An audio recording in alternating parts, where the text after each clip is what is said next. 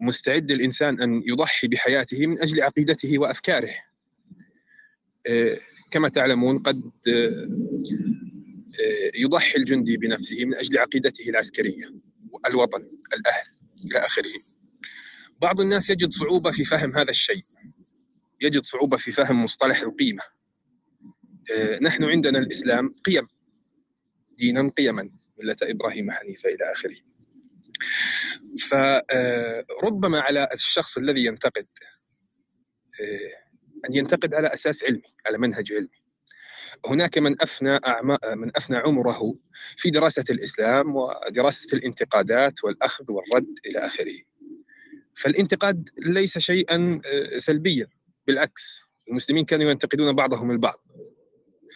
لكن عندما آه، تأتي الأمور إلى مرحلة الإساءة إلى مرحلة أن لا قيمة لا عقيدة فقط مصلحة ومصلحة فقط. آه، هنا علينا أن نقف قليلا. علينا أن نضع حدا لهذه الإساءة. المسألة ليست حساسية المسألة أغلى ما نملك المسألة مسألة عقيدة. فربما على الطرف الآخر أن يفهم معنى القيمة ولا آه، ينظر إلى الأمور فقط على أنها مصلحة وتجارة ومادة ومادة فقط. وشكرا. ممكن نصلح معلومة؟ حضرتك ليه حضرتك ليه قلت الدفاع عن الوطن قيمة والدفاع عن الإسلام عقيدة قيمة. ما قلتش ليه الدفاع عن المسيحية قيمة؟ الدفاع عن اليهودية قيمة. وبعدين حضرتك الانتقاد. أبتدي منين وأقف فين؟ مين اللي هيحدد المعايير دي؟ حضرتك؟ مش حضرتك يعني يعني حضرتك. يعني المسلم هو اللي هيحدد لي أنا أنطلق من فين وأقف فين؟ ويقول لي دي المساحة اللي انت تتحركي فيها. لو زدتي عنها انت هنا آه، مسيتي بالقيمة بالعقيدة تاني حاجة حضرتك اللي بيحارب للوطن هو بيحارب لشعب لأرض لحدود. لكن لما حضرتك بتزعل من كلمتين مثلا أنا قلتهم أو أي حد في الروم قالهم وتنتفض وتهدد وتتوعد أنت يعني انتفضت عشان إيه؟ عشان كل المسلمين عشان مليار و200 ألف أو 300 ألف؟ حضرتك محارب؟ هل كل مواطن هو جندي طول الوقت؟ ولا لما بتستشعر بالخطر على الوطن؟ هنا في عقيدة الدفاع عن الوطن. ليه المسلم منتفض طول الوقت؟ 24 ساعة هو حامل العقيدة. ده بيحوله حضرتك. من شخص لما تنتهك قيمه ممكن يرد عليها لشخص متربص لشخص طول الوقت متنمر لشخص حاسس بالخطر 24 ساعة ليه؟ هو هنا السؤال ليه؟ مقالة كلام في روم آه رسمة أغنية هتهز القيمة والعقيدة إيه ليه؟ هل حضرتك لو اتكلمت دلوقتي مجرد كلام هنا في الروم على أي جيش من جيوشنا العربية ده هيهزه ينتقص منه؟ هيخليه بلا عقيدة؟ إلا الإسلام حضرتك. آه، وإذا اديت ده ادي نفس الحق للمسيحي في الدفاع آه، عن قيمته. يعني هو لما ينتفض ضدك ما تقومش تقول أنا عندي هجمة شرسة من المسيحية الصليبية في العالم. ليه حضرتك ما ما بتعتبرش إن هو برضه بيحافظ على قيمة؟ لو هنتكلم بالمعنى اللي حضرتك بتقوله حضرتك طول الوقت هتقمع المخالف من غير ما تحس حتى لو ما تقصدش. لا أنت عديت الخط ده لا أنت هنا مسيت القيمة لا أنت هنا هنت مشاعري لا أنت هنا بقيت خطر عليا لأن في ناس بتسمعك. هتتحول حضرتك من من من إنسان يحمل قيمة لإنسان عدواني متربص بالجميع. شكرا. طيب مسموع صوتي أنا يا جماعة؟ مسموع مسموع. طيب أستاذ محمد لا لا تنهى عن خلق وتأتي بمثله. عار عليك أن فعلت عظيمه. أظن لما بقى تطلع تحكي عن القيمة وتحكي عن نقاش الأفكار ويكون بشكل أكاديمي وكذا يعني مع احترامي الشديد لشخصك الكريم ولكن أنت آخر واحد بيحكي بهذا الموضوع وبيقيم وبيعطيك أفكار. لما شخص بيكون أو أشخاص بيكونوا عم ينتقدوا موضوع آه، حتى علمي يعني يا ريت عم ينتقد موضوع له علاقة بدينك مع إنه دينك هو مجرد أفكار خاضعة للنقد. وحضرتك وجماعتك بتروحوا بتعطوا صورة عن كيفية الانتقاد العلمي اللي كان حضرتك عم تحكي عنه هلأ بكل هدوء وباحترام على أساس. وبتروحوا بتشخصنوا وبتروحوا بتسبوا الأشخاص وبتهينيهم فبظن يعني يا ريت بدل التنظير تعطي. تعطي فكرة للناس اللي عم يتابعوك على الأقل. أنت وأمثالك إنه بيصير في نقد علمي بيصير في كذا. فقبل ما تيجي تنظر يا ريت أول شيء تعطي صوره شو علمك هذا الدين. تمام؟ لما بيكون نحن عم نشوف من افعالكم وليس فقط من نصوصكم إنه هذا الدين عم يعلمكم إنه أي كل الأشخاص مستباحين بمجرد حكوا شيء ما بيعجبكم حتى لو شيء ما له علاقة بدينكم فبظن يعني بلا ما تنظر يعني آه، يعني صار شوي معيب. يعني آه، مثل ما بيقولوا يعني أسمع كلامك يعجبني أشوف آه، أفعالك أستعجب يعني. فاولا في نصوصكم الدينيه كنصوص لا يوجد هالكلام اللي قلته. لا يوجد شيء اسمه نقد أكاديمي ولا يوجد شيء من نقد أفكار. سواء كنصوص أو كتطبيق من أول مؤسس الدين إلى آخره ما في شيء اسمه نقد في شيء اسمه حز رقبة. يا أخي نحن قرأنا النصوص وفهمناها غلط. بنيجي لعند الأتباع. أمثال حضرتك بما أنك أنت أحد أتباع المطبقين لهذا الدين. وبنشوف كيف عم تطبق الدين.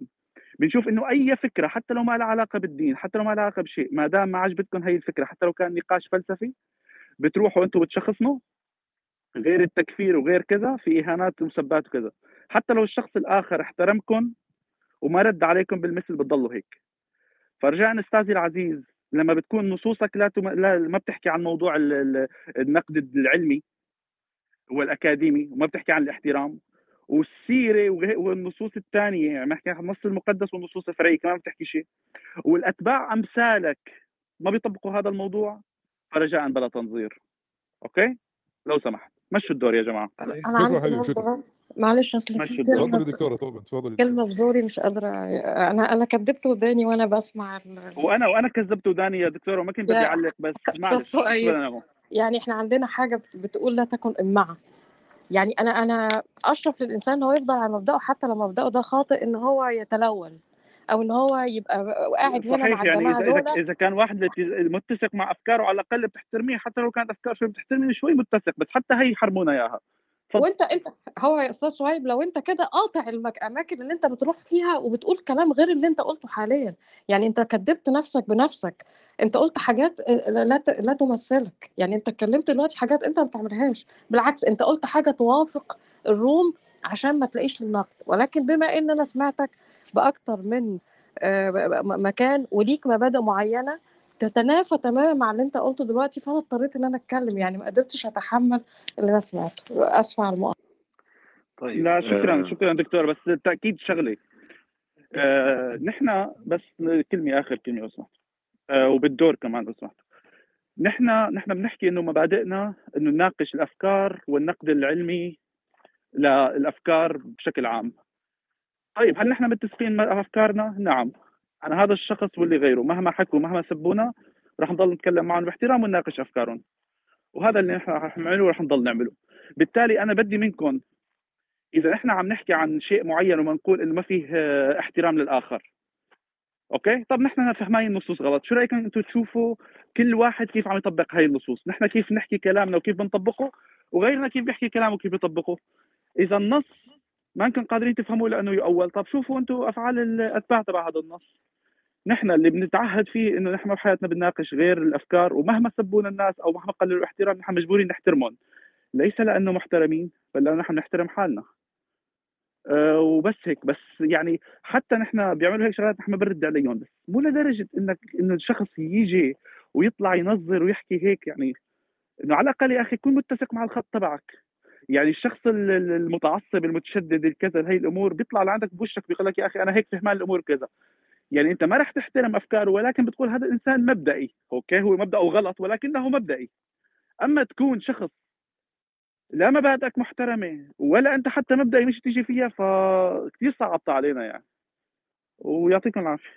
شكرا دكتور شكرا حبيبي شكرا. شكرا زين شكرا. آه، أبو العبد تفضل. مداخلة سريعة أنا بس الشخص اللي يتحدث عن ال- القيم وأن ال- الأمور عند يعني اللي لها قيمة عنده هو يجب التصدي لمن يتعرض لها. جميل. طيب أنا يا أخي بحب الفلافل مثلا.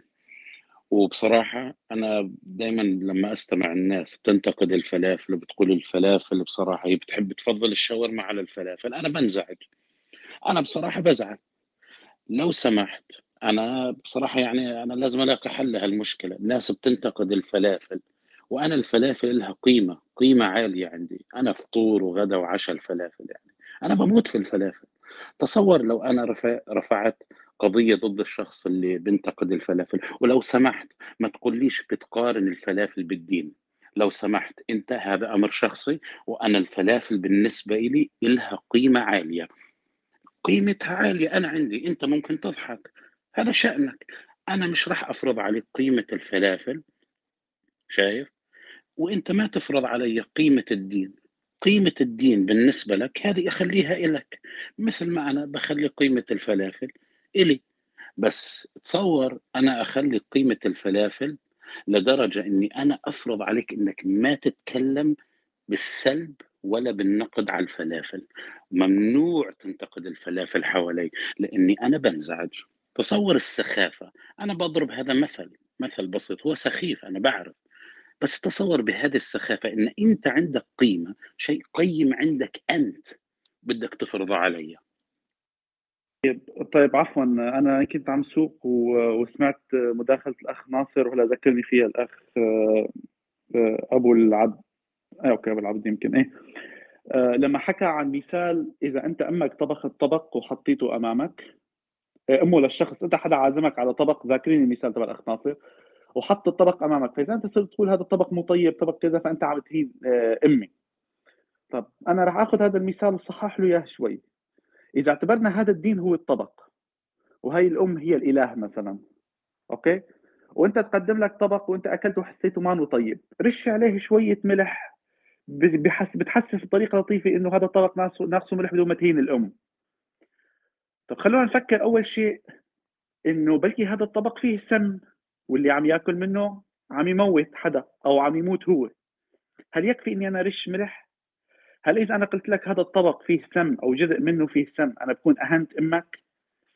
هل إنه أمك تحط لي سم وأنا موت منه هو شيء أقل من إني أنا أنتقد الطبق تبعها طيب هل إذا كانت أمك هي طابخة هذا الطبق اللي فيه سم وأنت حاسس حالك إنه هذا أطيب طبق بالدنيا؟ تيجي بتجبرني أنا آكل واجباري عني؟ طب بلكي أنا كمان شايف فيه سم بس أبدي أجرح لك مشاعرك ومبعد عنه. لما بدك تجبرني آكله بيضطر لك أنا ما راح آكله. فبتسألني ليش؟ هل أنت غبي وما بتعرف طعم تمك بدي أقول لك لا الطبق فيه سم فبتقول لي أنت تهين معتقدي. هذا هو المثال اللي كان عم يعطيه. نحن ببساطة أنتم عملتوا هذا الطبق. طبخته أمك أمك اللي بتحبها اللي أنت وياها على عيني وراسي. وأنا شايف هذا الطبق فيه سم. أنا إجيت بعدت عن هذا الطبق. انت حضرتك اجيت لعندي قلت لي انت ليش ما بتاكل هذا الطبق انت ما بتعرف طعم التمك انت شخص غبي انت كذا. قلت لك لا عزيزي أنا بعرف طعم التمي وأنا ماني غبي. قلت لك معناتها كان لازم تحب الطبق فقلت لك أنا مو قصه هيك ولكن الطبق فيه سم. وهذا الطبق إذا أنا أكلت منه رح موت.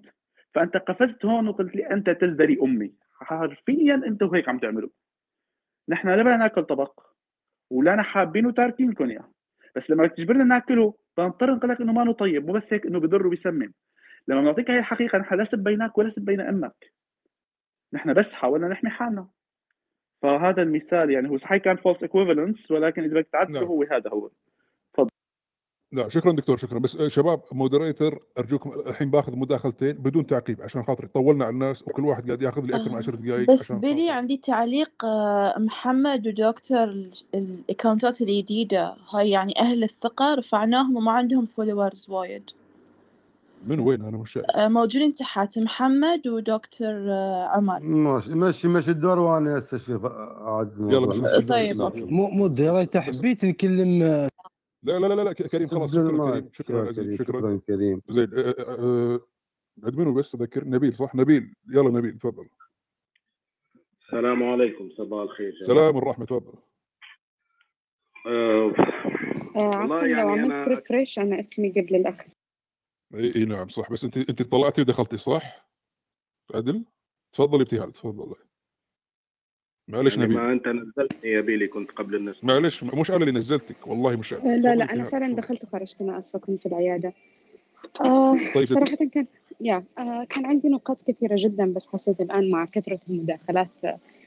أم، كنت حابة أعقب على في أخت كانت أخت مصرية ما بعرف اسمها نون أو شي ف كلامها أكثر شيء اللي حسيته آه، اللي بالنسبة لي صار يهمني أكثر من كلام اللي هم بيظهروا تعصبهم علانية ليش؟ لأنه هذا الشخص اللي بيكون آه، بمعنى مسلم ليبرالي زي ما سمت نفسها بيجيب مغالطات مرعبة مغالطات حرفيا مرعبة يعني ما عندي مشكلة أنت دينك وبتحاولي إنه تلمعي أو بتحاولي تتمسكي بأي آه، خضار آه، أو جمال موجود فيه لكن ما تقولي لي إنه آه، أنه لا يعتبر أساس مشكلة وأنه مهما قلنا وفعلنا ال- ال core تبعه مش سيء وأنه يعني hold on يعني القانون وتقولي مصر بلد ليس إسلامي.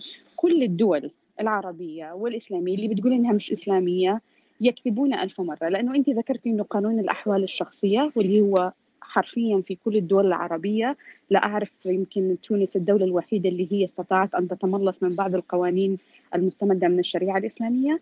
أما باقي الدول فهي تحتكم يا أخي عندك أكبر نص موجود اللي هو يقول لك حرية الاعتقاد وحرية الرأي وفي الأخير يقول لك أنه كل نص قانون ثاني على الأقل عندنا في اليمن وإحنا القانون اليمني هو copy paste من القانون المصري آه، بأنه آه، تجي لك 900 حاجة عدم المساس وغير إزدراء الأديان اللي هو مسألة أنه الشريعة الإسلامية هي آه، يعني الدين الرسمي للبلد. وبالتالي آه، أنا لما تقولي لي إنه مش ال core ومش بيمس حياتنا ومش بهذا وكل قوانيننا مستمدة منه وكل على الأقل المض...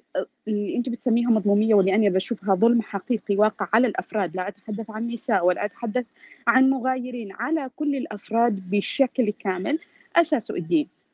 لا تتعذري لي أيضا أو أي شخص آخر بالعادات والتقاليد لأنه آه، من أكبر المشاكل اللي هي تكون جاية مع الدين اللي هو حمل العادات وتقاليد المنطقة التي نشأ فيها الدين.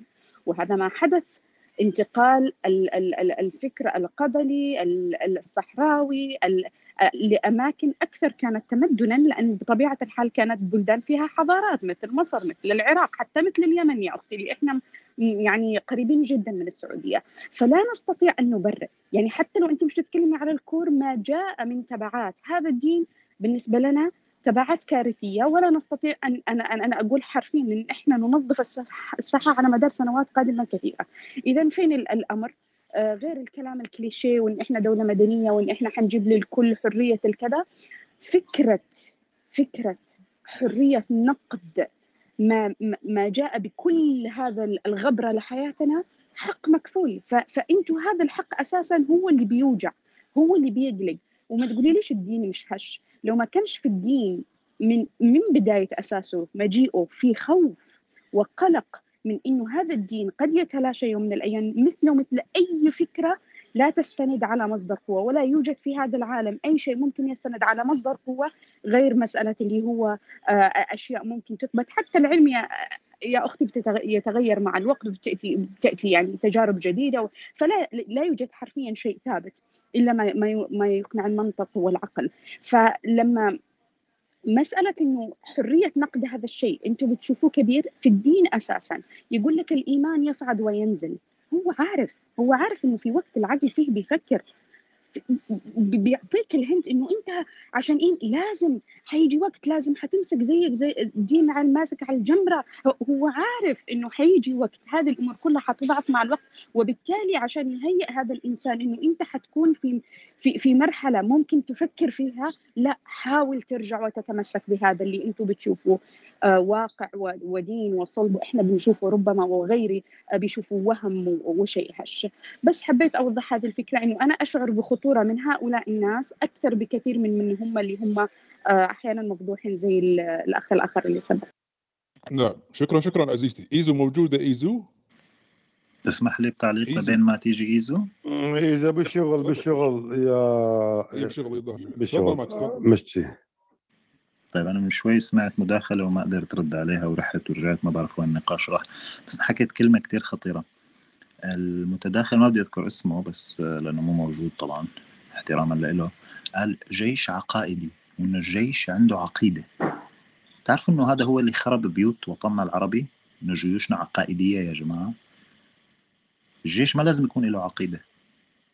الجيش شغلته يحمي البلد ويدافع عنها. بس موظف مثله مثل أي موظف بيروح بياخد راتبه مقابل خدمة بقدمها لوطنه. جيش عقائدي. يعني أنت عم تحمل جيشك اللي عم يحميك عقيدة معينة ليدافع عنها بطل همه يدافع عن الوطن. وشفتوا هالأمثلة بدول ما بدي أذكر أسماء. فالجيش ما له عقيدة.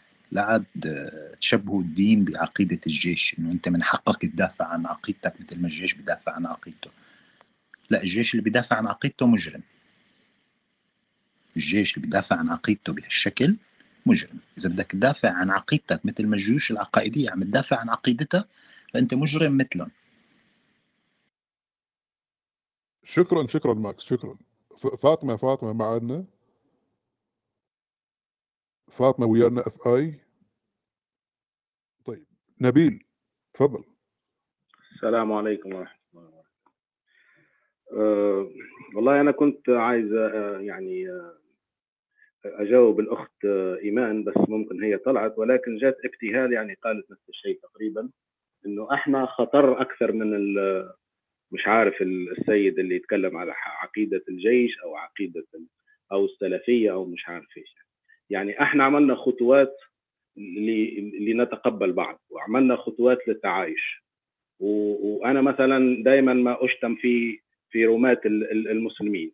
وهم يعني عايزين يعني يطبقوا علينا مثلا آه، يعني إنه الآراء مالهم هي صحيحة وإحنا لما نختلف معاهم آه، لا يعني إحنا المسلمين الكيوت وإحنا كذا وكذا. يعني حتى في موضوع آه، ازدراء الأديان لا يعني مع إنه من القرآن ممكن أن تدحض هذا ال هذا ال يعني القانون الغبي.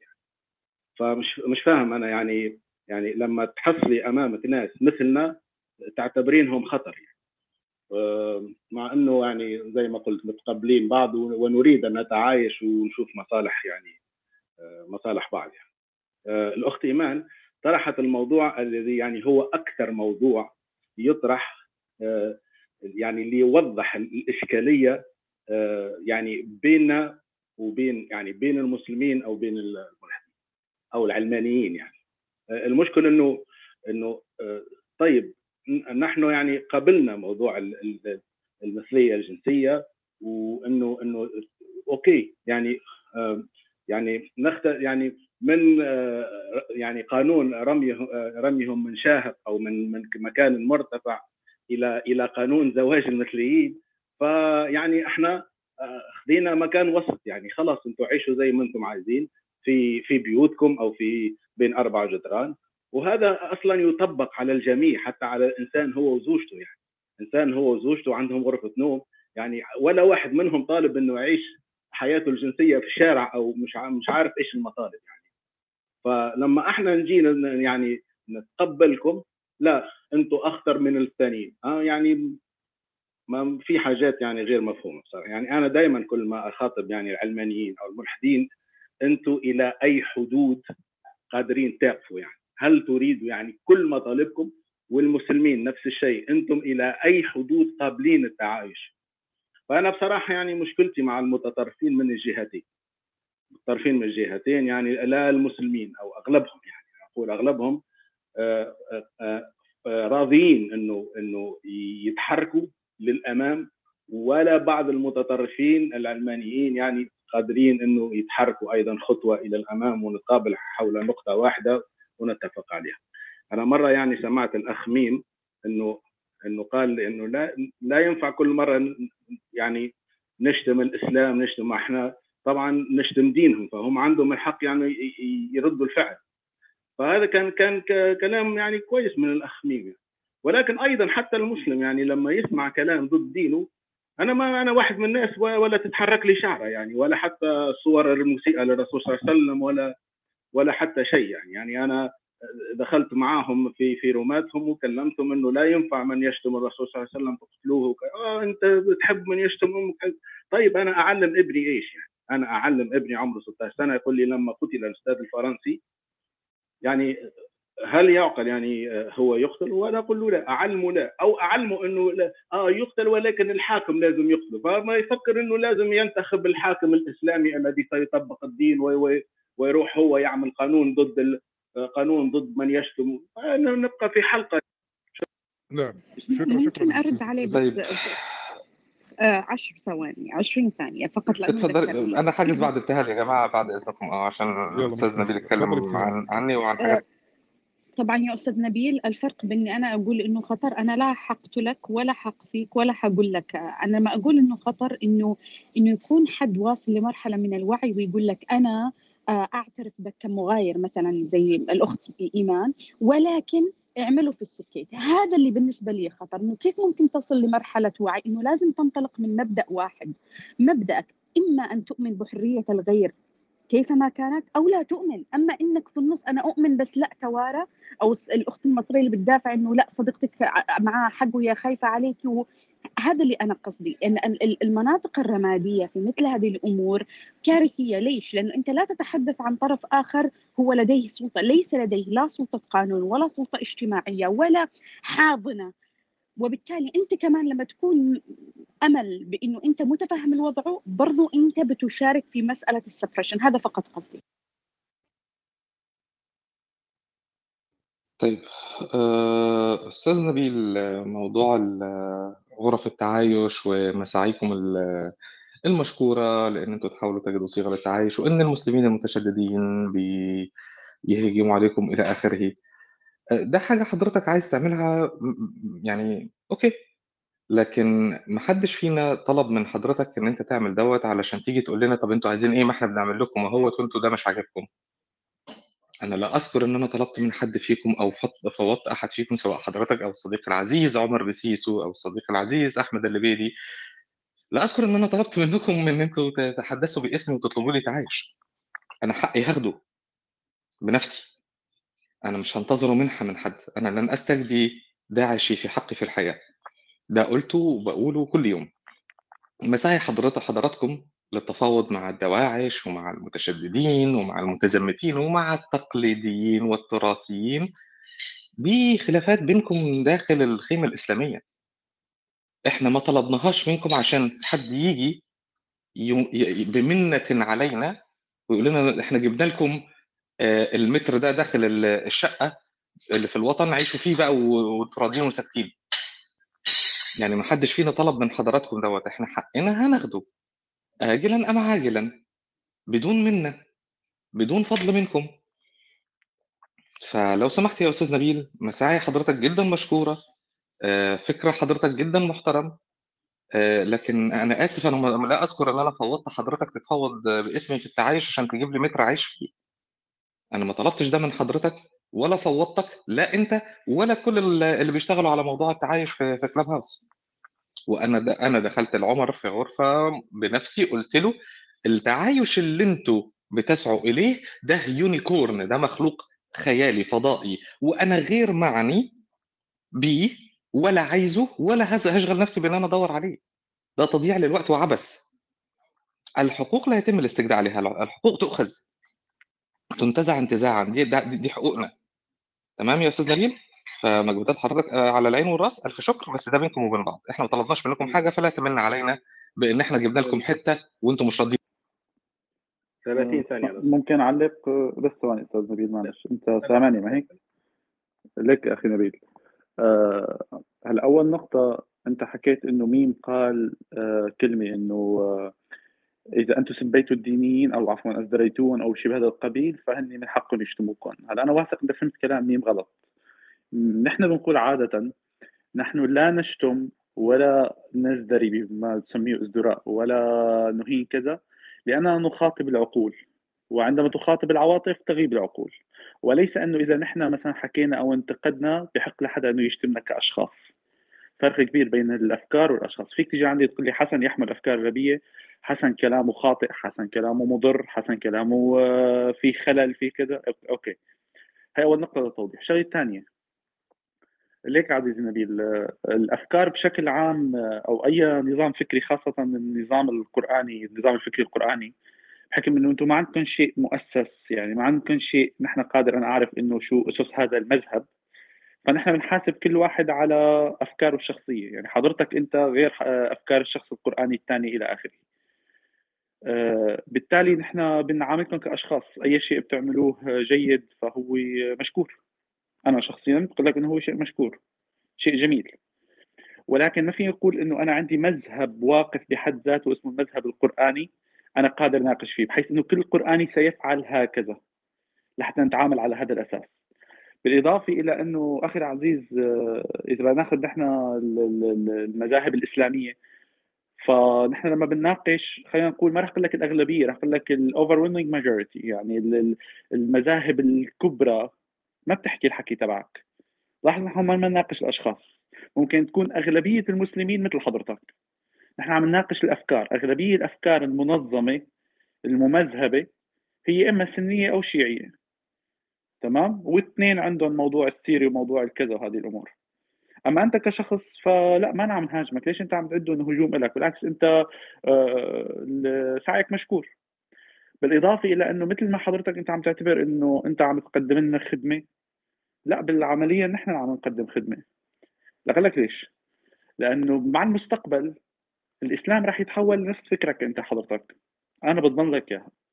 يعني أنتوا أنتوا المستقبل الإسلامي. ليش؟ لأنه تطور الإسلام أمام عوامل الحث والتعرية مثل ما صار بالمسيحية مثل ما صار بغيرها رح توصلوا على هذا الدين خلينا نسميه الذي يعيش تحت المظلة العلمانية، قد لا يكون بالشكل العلماني الحالي ولكن بشكل علماني متقدم لاحقا يعني أفضل من الحالي يعني. اللي عم يساهم بهذا الشيء هو نحن لأنه نحن اللي عم نناقش هي الأفكار، عم ننتقدها، عم نبين وين عوارها، عم نبين وين عيوبها. أما في موضوع القوانين إذا بدك كمان نوع من الكومبرومايز يعني مثل ما حكيت أنت أنت واقف ما بين شخص بده تكون تشريع زواج المثلية وشخص يرمي المثلي من شاهد فأنت وقفت بالنص. هذا الشيء بيعود لك أنت هون ما يعني آه نحن لا بنكفرك ولا بنقول لك أنت ما عملت اللي بدنا إياه لا. ولكن بالمقابل ما فيك تقول أنا عملت مشانكم كذا. ومع ذلك ومع ذلك شخص بيحمل أفكارك أنت كأستاذ نبيل أنا جدا بحترمه وبحبه وبعتبره شخص أنا قادر أعيش معه آه، إلى الأبد بدون حتى ما يسألني أو اساله شو أفكارك. فهو مو نوع من الهجوم عليك هو نوع من إنه آه، ما نقول أنا عم أشتغل مشانك وأنت عم تشتغل مشاني نحن عم نشتغل مشان تطور المجتمع مشان نكون كلياتنا قادرين نعيش. أنت إذا تنازلت شوي عن أفكارك مو معناته نحن نتنازل شوي عن أفكارنا أو مو تنازلت عن أفكارك تنازلت عن انت ما رح تنازل عن أفكارك تنازلت عن الفكر العام يعني. كل واحد من وجهة نظره ما دام أنت مانك مضر ومانك خطير ومانك آه، عم تحرض ونحن مانا مضرين ومانا خطيرين ومانا عم نحرض بغض النظر اختلاف أفكارنا بس نحن عم نشتغل نفس الطريق. أوكي؟ وبس وبس إذا فهمت أي شيء هجوم عليك فأنا آسف بس ما بظن. يعني هني هني بشكل عام عم عم يهاجموا الفكر ال ال الأغلبية. أما أنت مو بس أقلية انت أقلية كثير نتمنى إنك تصير أغلبية. شكرا دكتور شكرا حبيبي. شكرا. نبيل حق الرد حق الرد تفضل. عشان ما شد okay 30 ثانية. أخ ميم وأخ حسن يعني أنا أنا أنا والله لا أمن عليكم يعني بفكري أو أو يعني أنت طلبت مني ميم إنه أنا يعني يعني أطالب بحقوق. لا لا أنا أنا أنا أرى اليوم إنه ديني متهم بالإرهاب. فشفت حاجات إني يعني قرانيا يعني إنه لا أراها. يعني أنا أرفض الفتوحات الإسلامية وأرفض حاجات كثيرة يعني. حتى ازدراء الأديان ارفضه اراه في ديني يعني وليس في يعني يعني لأني أريد أن أرضيك يعني. بالعكس يعني أنا أرى إنه إنه ديني متهم وهو يعني حسب رأيي طبعا يعني يعني أكبر من أن يتهم بالإرهاب يعني. فهذا ولو حتى تراثنا فيه يعني فيه ما فيه من يعني من من مادة تخليكم يعني تخوضوا فيه بكل يعني ما أوتيتم من قوة وكلامكم صحيح عن التراث يعني. فهذا ولكن يعني أنا هذا مشكلتي مشكلتي إنه أنا أرى إنه ديني ليس دين ارهاب و فهذا لا. يعني أنا دفاعي دفاعي عن ديني وليس عنكم يعني. شكرا. شكرا حبيبي. نتمنى كل المسلمين نفسك يا نبيل. شكرا. مورسكي مورسكي ويانا؟ أستاذ مورسكي معنا ولا مع الأسف؟ مع الأسف صح؟ طيب مع الأسف. زين فاطمة. فاطمة اف اي مو يعني طيب. أه... تيمور؟ أه أنا ما تيمور. أقدر أجاوب الآن. مو مشكلة. متى ما تبين بس تركي بالمايك راح أعطيك. تيمور؟ آه، مساء الخير. تحياتي للجميع. آه، أنا ه- يعني هجاوب على ال- على السؤال على طول عشان ما أضيعش وقت الروم يعني. آه، هو السؤال مقسوم ثلاث أجزاء. آه، لماذا المؤمن حساس؟ آه، المؤمن حساس آه، عامة المؤمنين وخاصة المسلمين آه، بيحصل في بينه وبين الفكرة تماهي. فهو للأسف متماهي مع الفكرة. يعني أنا مسلم ومقدس الفكرة ولكني لا أتماهى مع الفكرة. يعني أنا حاجة والفكرة حاجة حتى لو أنا مقدس. التماهي مع الفكرة بي بيجيب الحساسية لأنك بتبقى مضطر إنك أنت عشان متماهي مع هذه الفكرة إنك أنت تتكتل مع الناس اللي معتنقين هذه الفكرة برضه ف- فبالتالي بيشكل برضه أو بيسلبك جزء من شخصيتك كبير جدا جدا. فبالتالي ما بتقدرش تحكم على الأمور بطريقة عقلانية أو أو طريقة يعني منطقية. فبالتالي ده إجابة الجزء الأول من السؤال. وهو إن المؤمن متماهي مع الفكرة عشان كده حساس. ليه بيعتبر الانتقاد ازدراء؟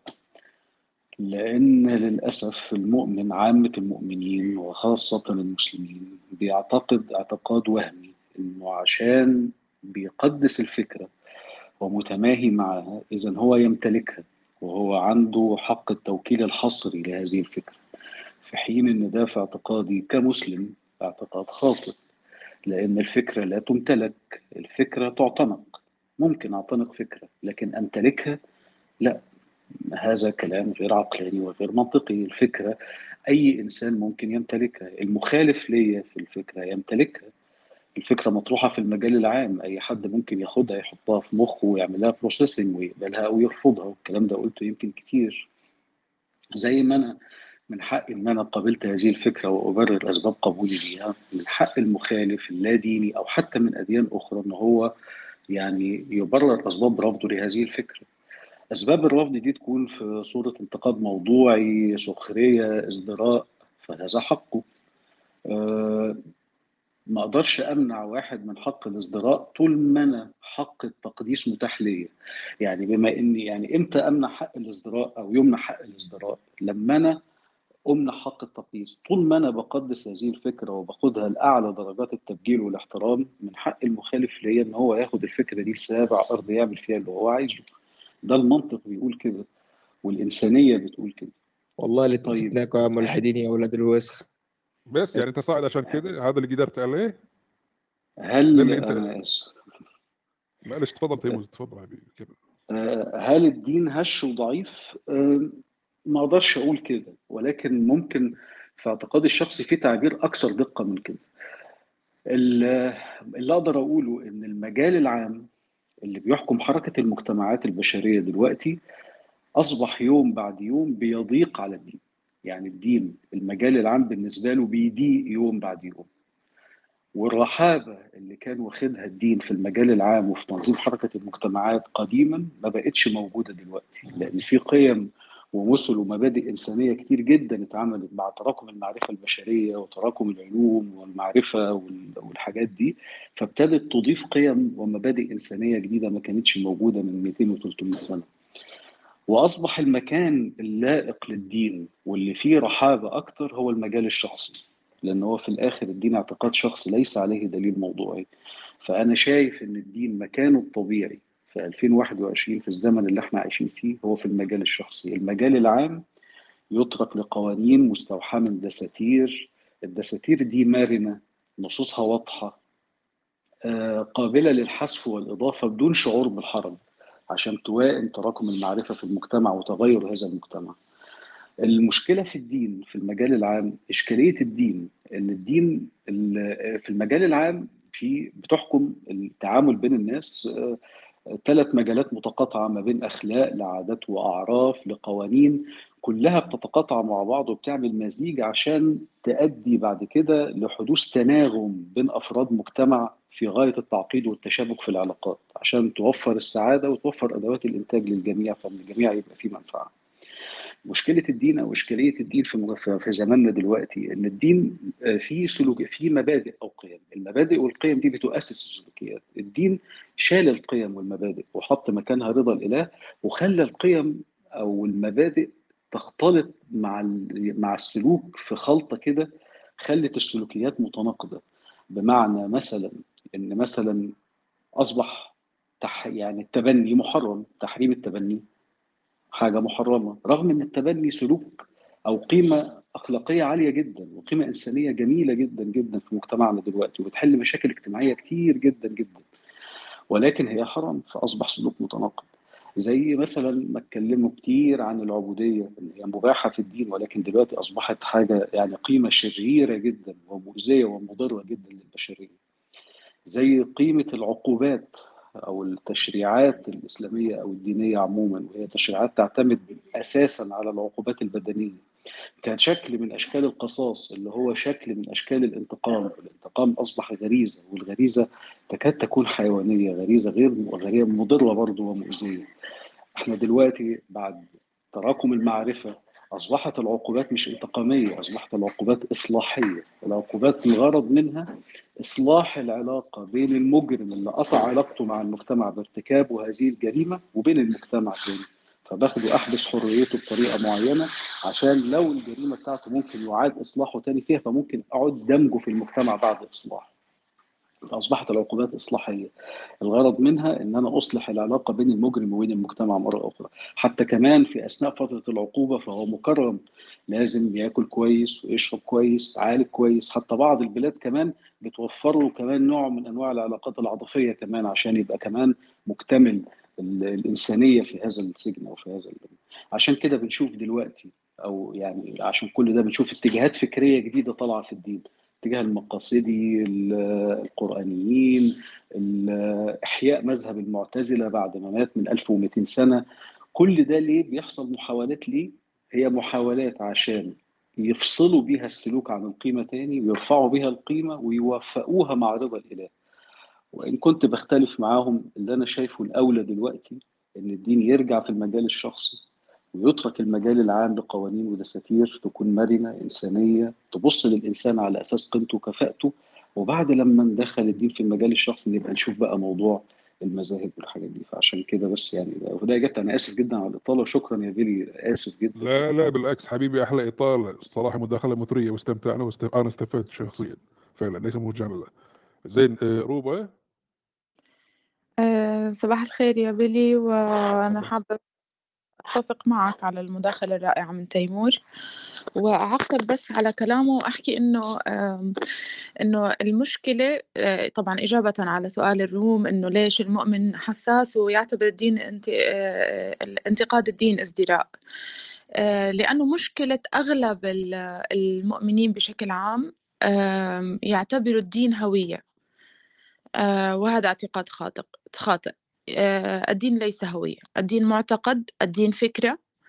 ولك الحرية أن تعتنق ال- ال- الفكرة اللي آه، بتناسبك.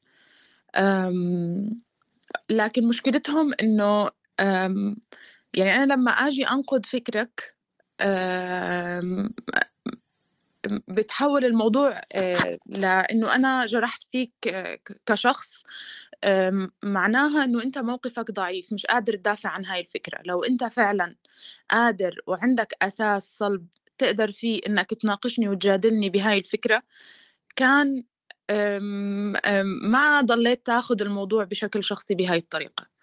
لو هم بس يوصلوا لمرحلة آه، يفصلوا الدين عن هويتهم لأنه هم بهذا الأسلوب لما يحك... لما يعتبروا الدين هوية معناها معناها هم فعلا آه، ورثوا هذا الشيء يثبتوا فكرة إنه هم ورثوا هذا الشيء زي ما ورثوا هويتهم آه، زي ما ورثوا آه، جنسيتهم آه، المكان اللي ولدوا فيه. ف وهذا بيثبت أنت م- ب- يعني اعتنقت هذا ال- ال- ال- الدين مش من باب قناعة ولكن من باب آه، ورث إرث من أجدادك يعني. ف هي الفكرة إنه حتى المسلمين نفسهم مش قادرين يجتمعوا مع بعض على أرضية صلبة أو على موقف واحد آه، آه، تجاه هذا الدين. هم نفسهم من جوا متقسمين لألف فئة. حتى في فئات جوا المسلمين تحارب حاليا ويتم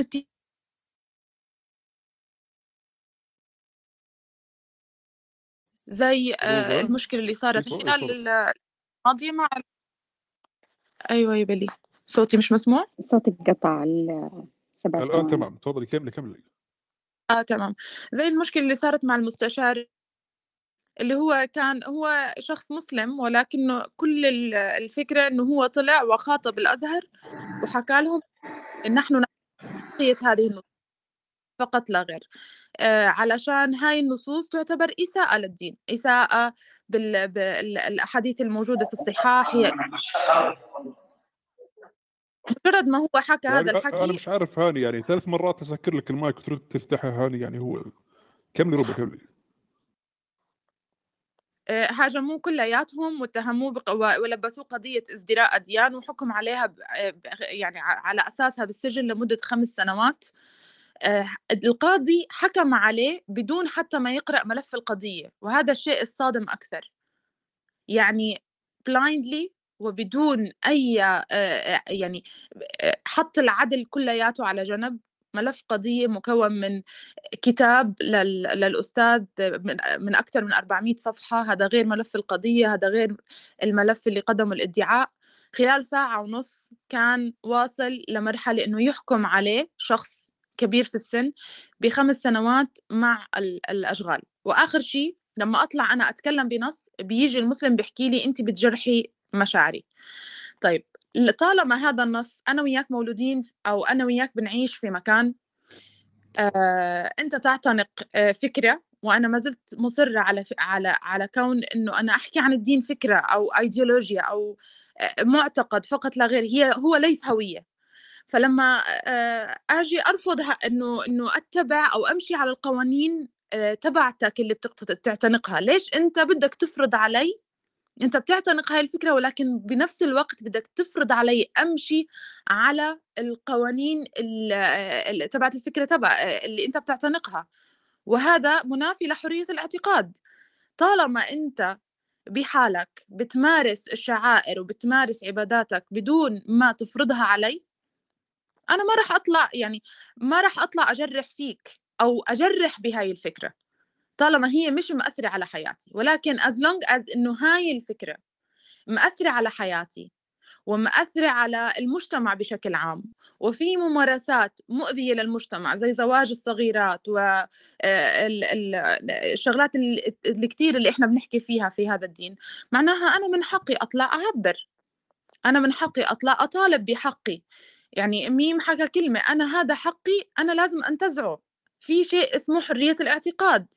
أنا حرة أتبع إن شاء الله وات الديانة اللي بدي أتبعها.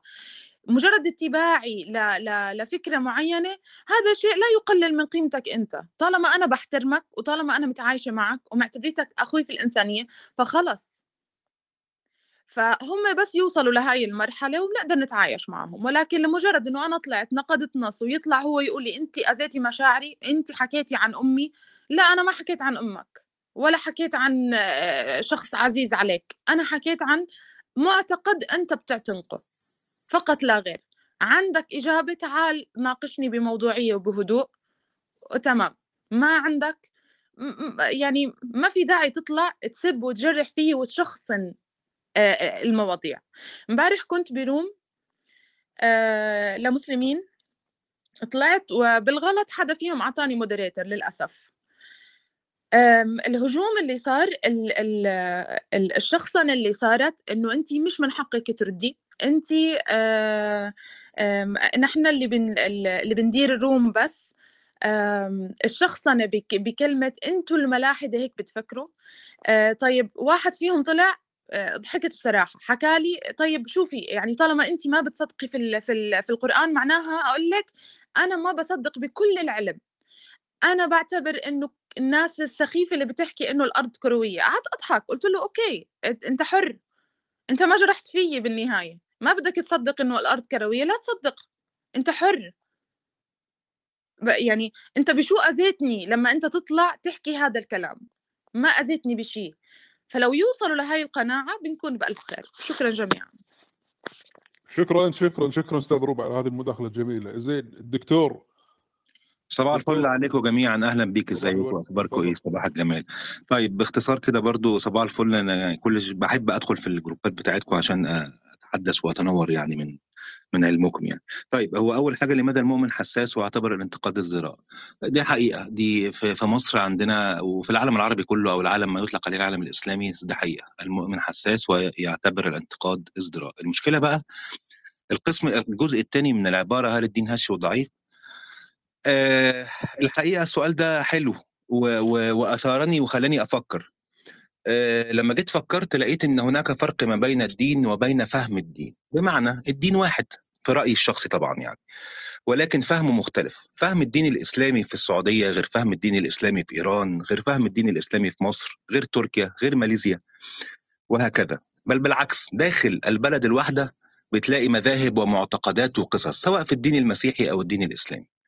وبالتالي أنا عايز بس آه، في رأيي أعدل الدين هش وضعيف. لا عمر ما كان في دين هش وضعيف. الكعبة اتهدت والإسلام موجود. ما فيش مشكلة خالص. الرسول مات والإسلام موجود. لا يوجد علاقة بين هشاشة الدين. الدين موجود من زمان جدا بغض النظر عن الرسالات السماوية أو بغض النظر على الأديان ال- ال- ال- السماوية أو اللا سماوية كمان. أديان كثيرة وآلاف ال- الأديان والمعتقدات.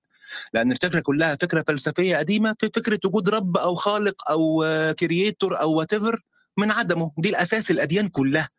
مش سيبكوا بقى من الصلاة والصوم والزكاة والحج أو التثليث أو مش التثليث فكرة كلها. هل وجود خالق أو مش وجود خالق؟ بغض النظر نقول على الخالق ده ربنا نقول على الخالق ده جيسس نقول على الخالق ده الطبيعة مش مشكلة. إنما الفكرة كلها هل وجود خالق ولا لأ؟ دي نمرة اتنين. النقطة الثالثة بقى ودي حاجة مهمة جدا في مصر آه، بقالنا كتير جدا الحمد لله موجودة في المجتمع وهي الفكر التنويري الجمعية المصرية للتنوير والمثقفين ال- ال- المصريين اللي بيشغلوا عقلهم موجودين وبيحاربوا يعني بيحاربوا ال- المجتمع. مش مش فكرة حرب فكرة حرب فكرية. في حتة تقبل الرأي الآخر. زي ما الأستاذة الفاضله اللي اتفضلت وقالت إنها دخلت على جروب المسلمين ورفضوا وجودها في الجروب وممكن يكونوا شتموها أو تعدوا عليها بألفاظ ولا بتاع ده وارد. لأن هم فعلا مش فاهمين. لأن إحنا خلقنا إله اسمه علماء مسلمين أو علماء الإسلام أو علماء الأمة أو رابطة مش عارفة إيه. إحنا اللي خلقناها كمسلمين. ليس للدين دخل في ده. ربنا ما قالناش نعمل كده. ده في معتقدي طبعا يعني وليس آه، على المطلق. آه، الحاجة الثالثه اللي كلنا في الهم شرق. كل البلاد العربية الشرقية كلها كده. plus or minus بقى يعني في حد 10% زيادة حد 10% قليل. فكلنا كده. الفكرة كلها برضو ال- ال- الفكرة الأساسية إن الدين ليس بعلم. الدين مش زي علم الطب والأحياء والفيزياء الذي يخضع للقواعد العلمية في نقده وانتقاده الدين زي ما الأستاذة برضو اتفضلت هو اعتقاد داخلي. نحن نولد ما بنختارش لا ديننا ولا أبونا ولا أمنا ولا جنسيتنا. لا ما نختارش أي حاجة. بنلاقي نفسنا تربينا أو اتوضعنا في وضع معين لقيت أبويا بيروح يصلي في الجامع بقيت أمي مش عارفة محجبة لقيت مش عارفة إيه خلاص. والتربية هي أهم شيء في القصة. فطبيعي يا جماعة لما الواحد بيتكلم بي... اللي قدامه resistant to change طبعا و resistant إن هو يتقبل فكرة كان متعود عليها بقاله سنين وفاكر إن ده صح. علشان كده بنطالب سعادتكم وانتوا بتتكلموا بمنتهى الهدوء دايما في الجروبات بتاعتكم. سواء الناس اللادينيين أو الناس اللا قادرين أو الناس ال- ال- الملحدين. بتتكلموا بصراحة بأسلوب كويس. والمشكلة اللي بلاقيها دايما في في المسلمين أو المؤمنين الذين يعارضونكم بدون لوجيك أنتوا بتتكلموا في سكة وهم بيتكلموا في سكة تانية خالص. فهم معذورين لأن برضو إحنا في بلادنا ما تعودناش على حرية ال ال ال مش هقول بقى الحرية الفكرية لا الحرية الفكرية موجودة. ونجيب محفوظ كتب وفرج فوده ومن زمان. وبيحصل مشاكل وبتاع ده من زمان بس النهارده الحمد لله بقى لنا فترة كبيرة جدا نتقبل الرأي والراي الآخر مسيحي جنب مسلم جنب ملحد جنب كذا ناس كتيرة جدا لا تقبل زي ما قلت كده بسبب جهلهم. والجيوش بس عايز أقول نقطة أخيرة قبل ما أقفل عشان طولت عليكم. ليست دائما الجيوش العربية أو الإسلامية تحارب عشان المعتقد. يعني مصر راحت حاربت مع السعودية في حرب الخليج في التسعينات. ما كانش بسبب معتقد ما كانوا بيحاربوا ناس مسلمة وناس عربية برضو. لأن إحنا مسموح لينا إن لو فئة باغية أو لو فئة تعدت على فئة أخرى من المسلمين لازم نحاربها. نقول لها لو سمحتي ما تحاربيش. مش بسبب الاعتقاد بسبب ال- الاعتداء. وليس الاعتقاد لأن الاعتقاد شيء قلبي. أنا لو مكتوب في بطاقتي مسلم وأنا من جوايا مش مصدق بالاسلام يبقى أنا مش مسلم. إنما أنا مسلم قانوني في القانون يعني في التوريث وفي الجواز ومش عارف إيه هيعاملوني كمسلم. إنما لو أنا مسلم آه، في البطاقة ومعتقد بال... وملحد ما حدش هيعرف ده. وبالتالي آه، بقت شبه الجنسية كده. بقت هوية زي ما الأستاذة آه، الفاضلة آه، اتفضلت وقالت وأنا ضد آه، أن يكون هناك هوية مبنية على على اعتقاد ديني أشكركم جدا ومنتظر تعليقاتكم شكرا شكرا. حبيبي شكرا. زي مودريتر في تعقيب على السريع على السريع بس أرجوكم يعني ولا نمشي أنا لأن بمشي الدور صراحة. ما حد طيب زين. فهد؟ فهد معنا؟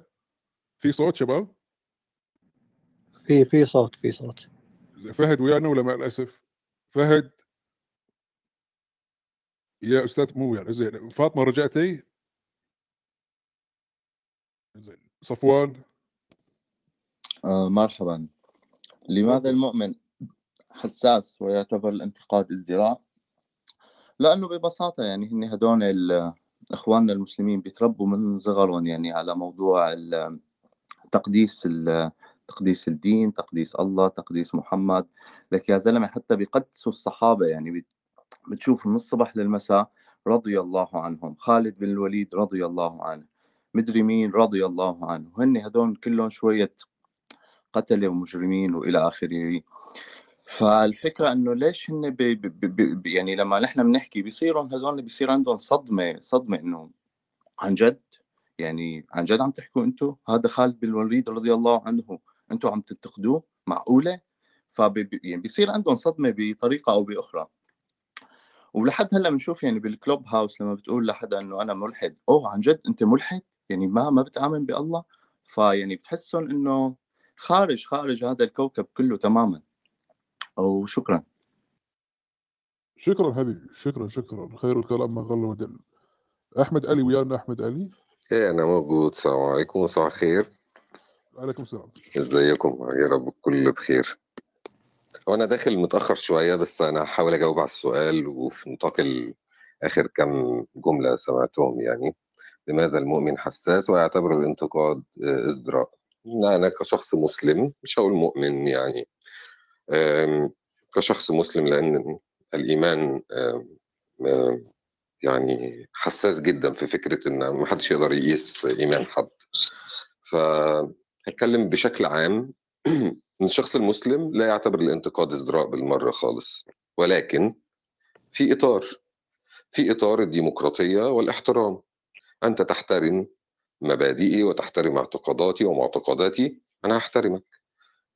ملحد نسوي أو وات بقى يعني ايا كان المسميات علماني ليبرالي لأن الإسلام به كل الأشياء كاملة. به من وجهة نظري الشخصية. مش عايز أتكلم بشكل إسلامي أكتر يعني.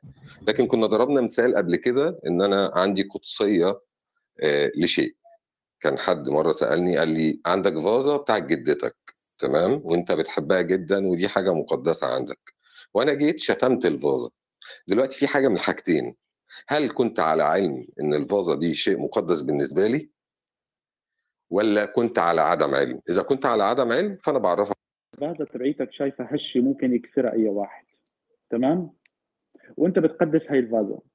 فيني أسألك هل من المنطقي تمسك هاي الفازة وتحس تحطها بنص الطريق بحيث الرايح عم تعيقه والجاي عم تعيقه؟ إذا هاي الفازة هالقد هشة وأنت بتخاف عليها تنكسر مو الأفضل إنك تخبيها عندك بالبيت وتروح تقدسها على كيفك؟ أنت عم تجيب هاي الفازة يا أستاذي اللي بدك إيانا نحترمها مع إنه هي مجرد فازة. تمام؟ ما بعرف أنا ليش لازم أحترم فازا بس هي مقدسة بالنسبة لك. وعم تحطها بنص الشارع بحيث الرايح على شغله بده يمر جنبها والجاي من شغله بده يمر جنبها ويدير يدير الطريق. ولما بيجي واحد بيقول لك يا أخي الفازة ما بتنحط هون بتيجي بتقول له لا أنت تهين فازتي ليك عزيزي لما بيكون عندك فازة وخايف عليها تنكسر تمسكها لهي الفازة تحطها عندك بالخزانة كل يوم تفتح هاي الخزانة بتبوسها للفازه هذا حقك. ولكن لما بتيجي بتحط هاي الفازة بوش العالم وبتعيقهم بالروحه وبالرجعة. وبدك أنت كل واحد ما بيرجع من الشغل تكون حياته بتدور حول الفازة تبعيتك اللي هي أنت ورثتها من ستك مثل ما حكيت وما حدا بيقدسها غيرك. لا تلوم الناس مش بتقول لك نحن ما بدنا نقدس هاي الفازة. ولما بتيجي عند واحد بتقول له أنت غبي لأنك ما بتقدس الفازة تبعيتي اللي ورثانا أنا من ستي ويشرح لك ليش ما غبي؟ وليش تقديس الفازة نوعا ما ما مجبر هو فيه؟ لا تقول له أنت اهنت الفازة. اللي عنده هيك فازة خايف تنكسر يخبيها مليح عزيزي ويروح يقدسها بالبيت تبعه. صح؟ ولا أنا غلطان؟ لا حضرتك ارد على حضرتك. متى تعرضت الفازة؟ حضرتك راح أشرح لك أنا ما حطيتهاش في الشوارع لا لا لا. أشرح متى تع... متى تعرض الإسلام مثلا لك. لما هي كاسلام الفازة لما. هي الفازة. لا اديني أمثلة. هي حضرتك اديني أمثلة بقى من لا لا الإسلام. متى تعرض الإسلام؟ عجبني المثال تبعك عجبني المثال تبعك. ماشي أوكي؟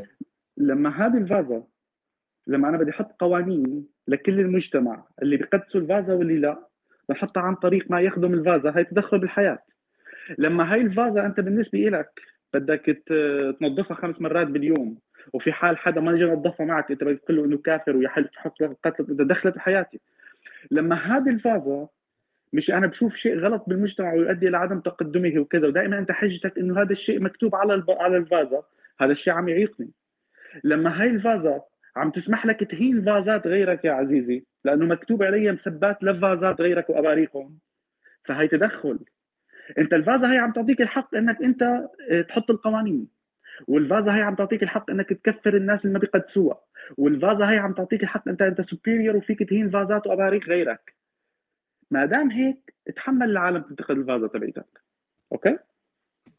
طيب ما أنا بقول أرد على حضرتك. بس بعدين تفضل. أنا عطار أنا بعطيك بس كلمة كلمة عشان خاطر الشباب. أنا أنا بس okay. أبي أسأل سؤال سين جيم والإجابة تكون يعني مختصرة مفيدة وشافية. هتلر عمل مجازر صح؟ مهم. الكل متفق. ما ما أتوقع في حد بيقول لأ ما فيش. طيب الفكرة كالتالي. أنا شايف هتلر مغتصب ومجرم. هل من حقي إن أنعت هذا الإنسان بأنه مجرم؟ آه لا؟ يحق لك. لا يحق عفوا؟ لك لا يحق لا. لحضرتك لا يحق ولا يحق لي آه؟ لا لا يحق لحضرتك آه طبعا. ده لأنها وجهة نظر الشخصية. في ناس تانية على وجهة نظر تانية بيعتقد إن هو كان شخص عظيم إن هو كان شخص محارب كان بيدافع عن وطنه. يعني ما ينفعش أقول على هتلر إنه مجرم. صح ده اللي بتقوله أنت؟ إيه إيه إيه. طب آه، بيلي لو سمحت آه، أستاذ أستاذ أحمد إحنا كاسرين سوا بسطين قبل كده أعتقد في رومين.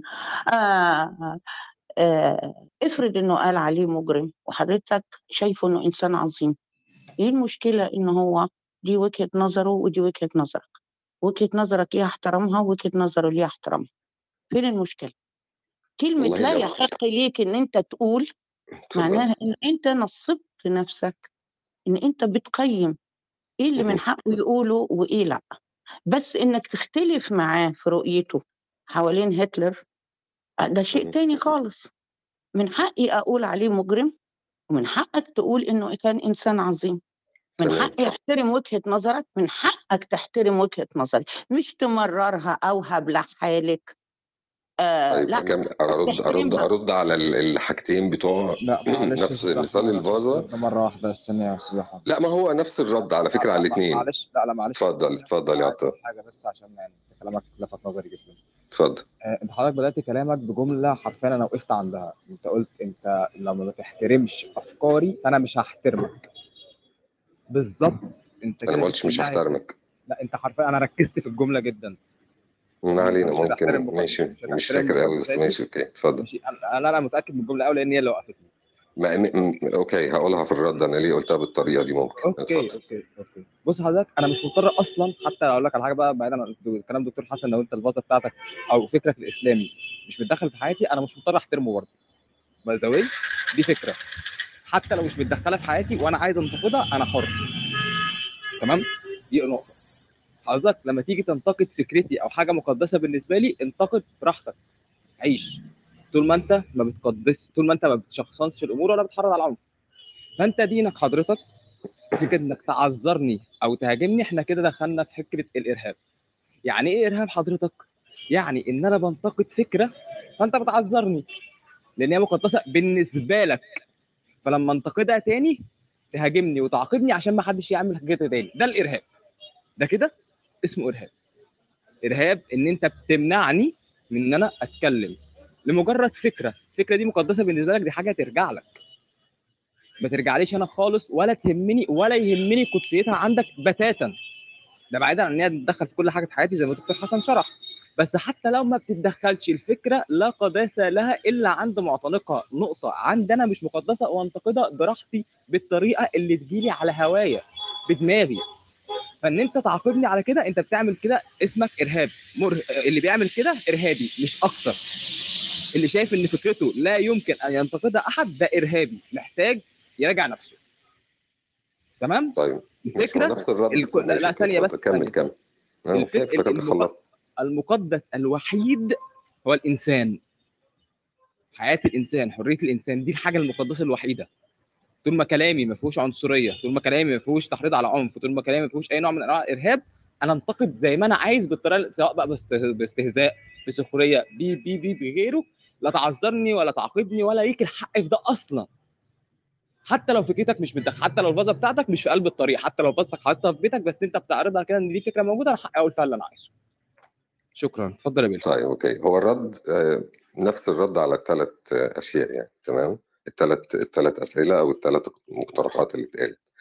إن ال- إن الفازة وإن القدسية اللي موجودة عندي أنا مقتنع.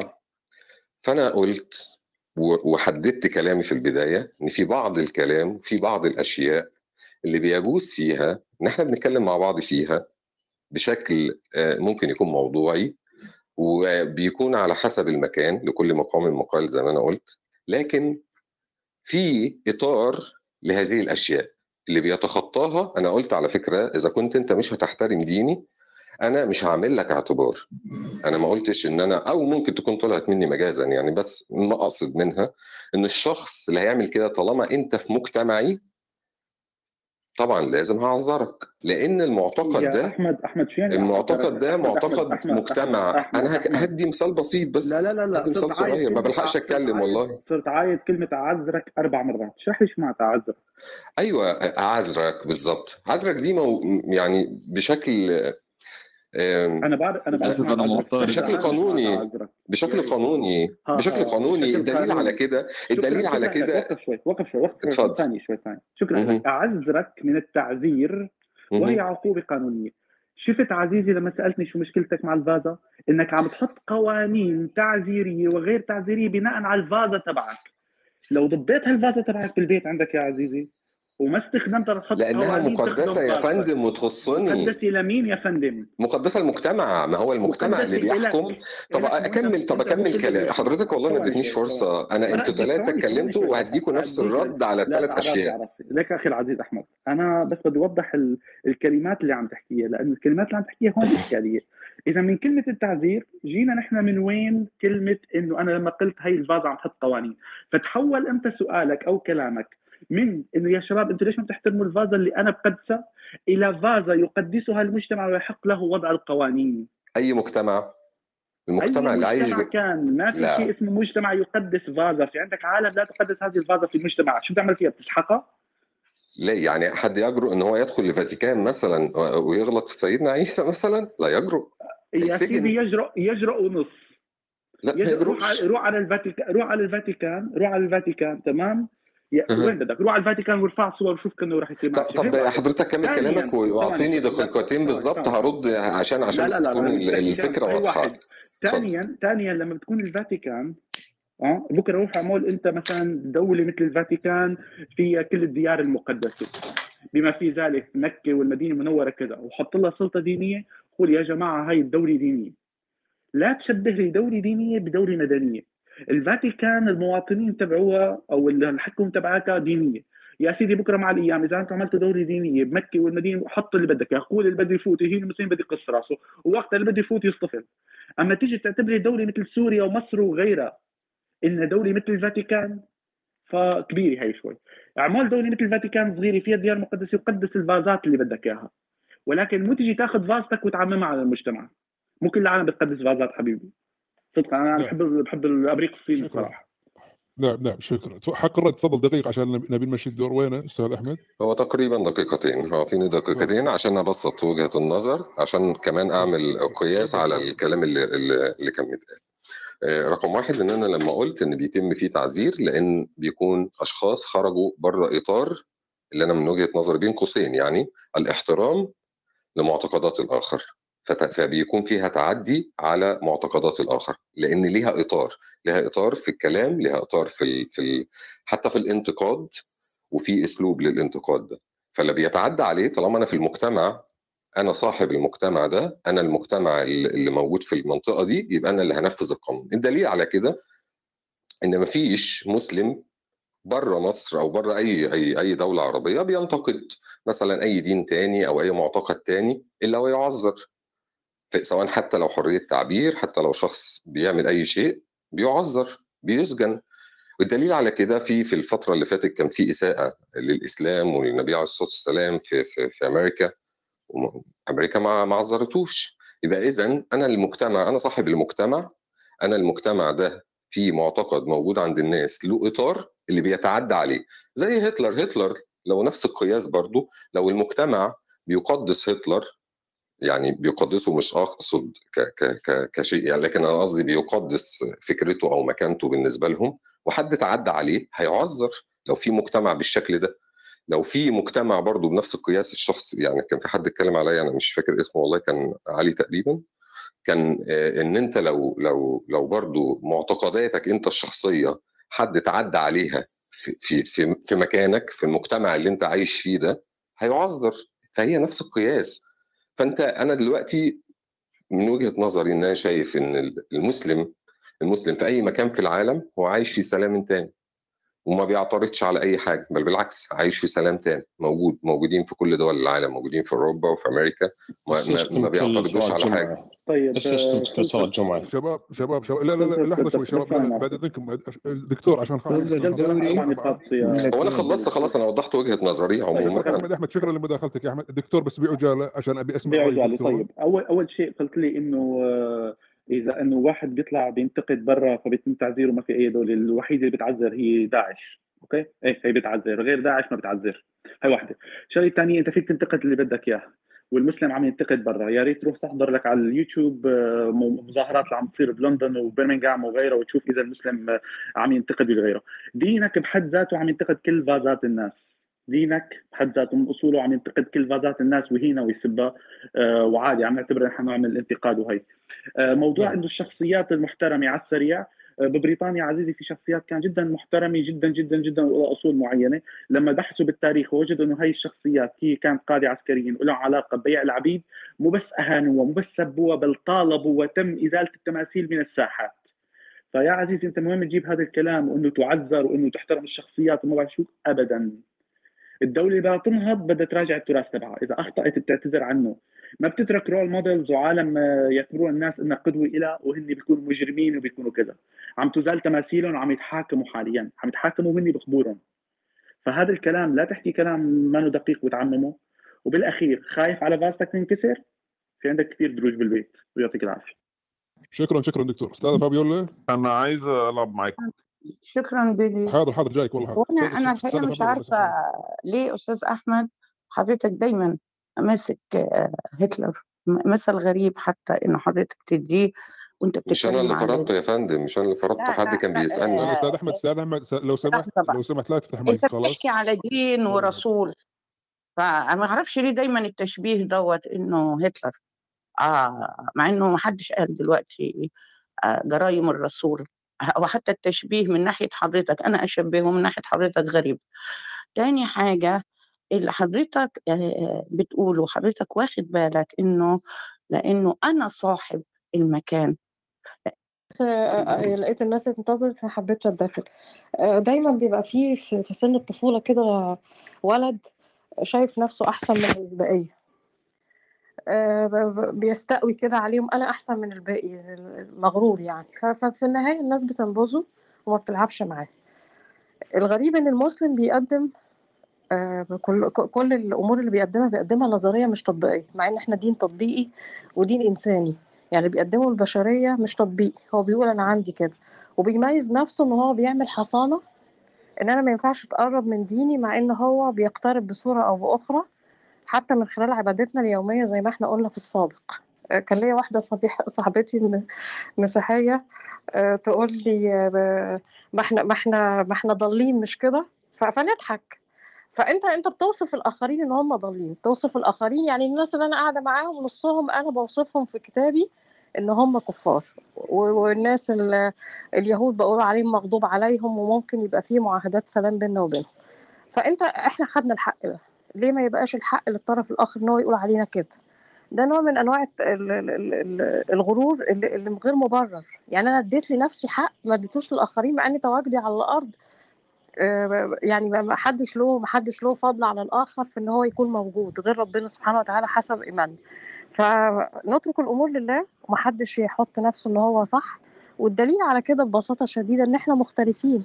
لو حد مننا واحد فقط معاه دليل على إن هو في الفئة الصحيحة يقدمه والجميع هيبقى زيه لكن طول ما إحنا مختلفين أصبحنا بنمتلك دليل على إن محدش معاه حقيقة مطلقة تقول إن هو يقينيا صح. نتقبل بعضنا على بعض زي ما قال ميم من شوية أنا ماليش أنا مش هطلب منك ولا هت...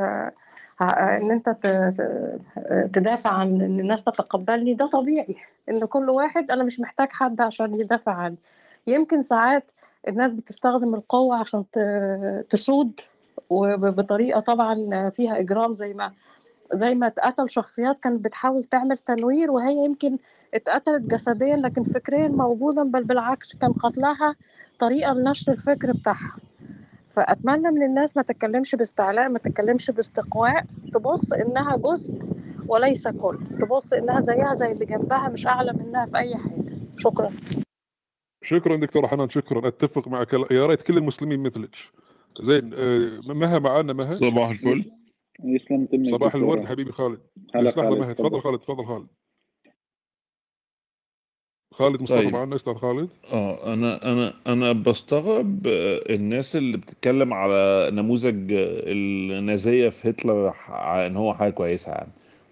بستغرب على الناس اللي بتتكلم على آه، أنا صاحب المجتمع أنا اللي ماشي المجتمع على إن هو حاجة كويسة اللي هي بتنظر للفاشية كمبدأ يعني حتى مش مش كبراكتي حاجة براكتيكال كمبدأ. هو إحنا بنوصف وضع ولا إحنا بن بنبجله يعني نحسنه أو أو بنبقى مع الفاشية؟ طب بلاش بقى نروح لوضع المسلمين في أمريكا اللي هو على فكرة أنا ممكن محدش بي بي بي إيه بيعنفني كانت ولا بي إيه بي كان كان إيه اللفظ بيقومني ولا بي في حاجة في لفظ كده يعذرك اسلامي يعذرك يا خالد. آه بيعذرني. لما انتقد ده أنا كنت بنزل مظاهرات ضد قرارات قرارات بوش في أمريكا. نازل مظاهرات وأنا وأنا وأنا على ستودنت فيزا يعني اللي هو أصلا ومفيش كلب يقدر يكلمني يقول لي أنت بتعمل إيه ويعذرني يعني آه، واحد زائر ومن حقه ينزل مظاهرة ضد الحكومة. اللي هو إحنا إحنا بنتكلم يعني يعني هو ده مش تدليس ده كذب بين يعني. ده كذب بين. فاللي هو طيب بلاش نتكلم في أمريكا.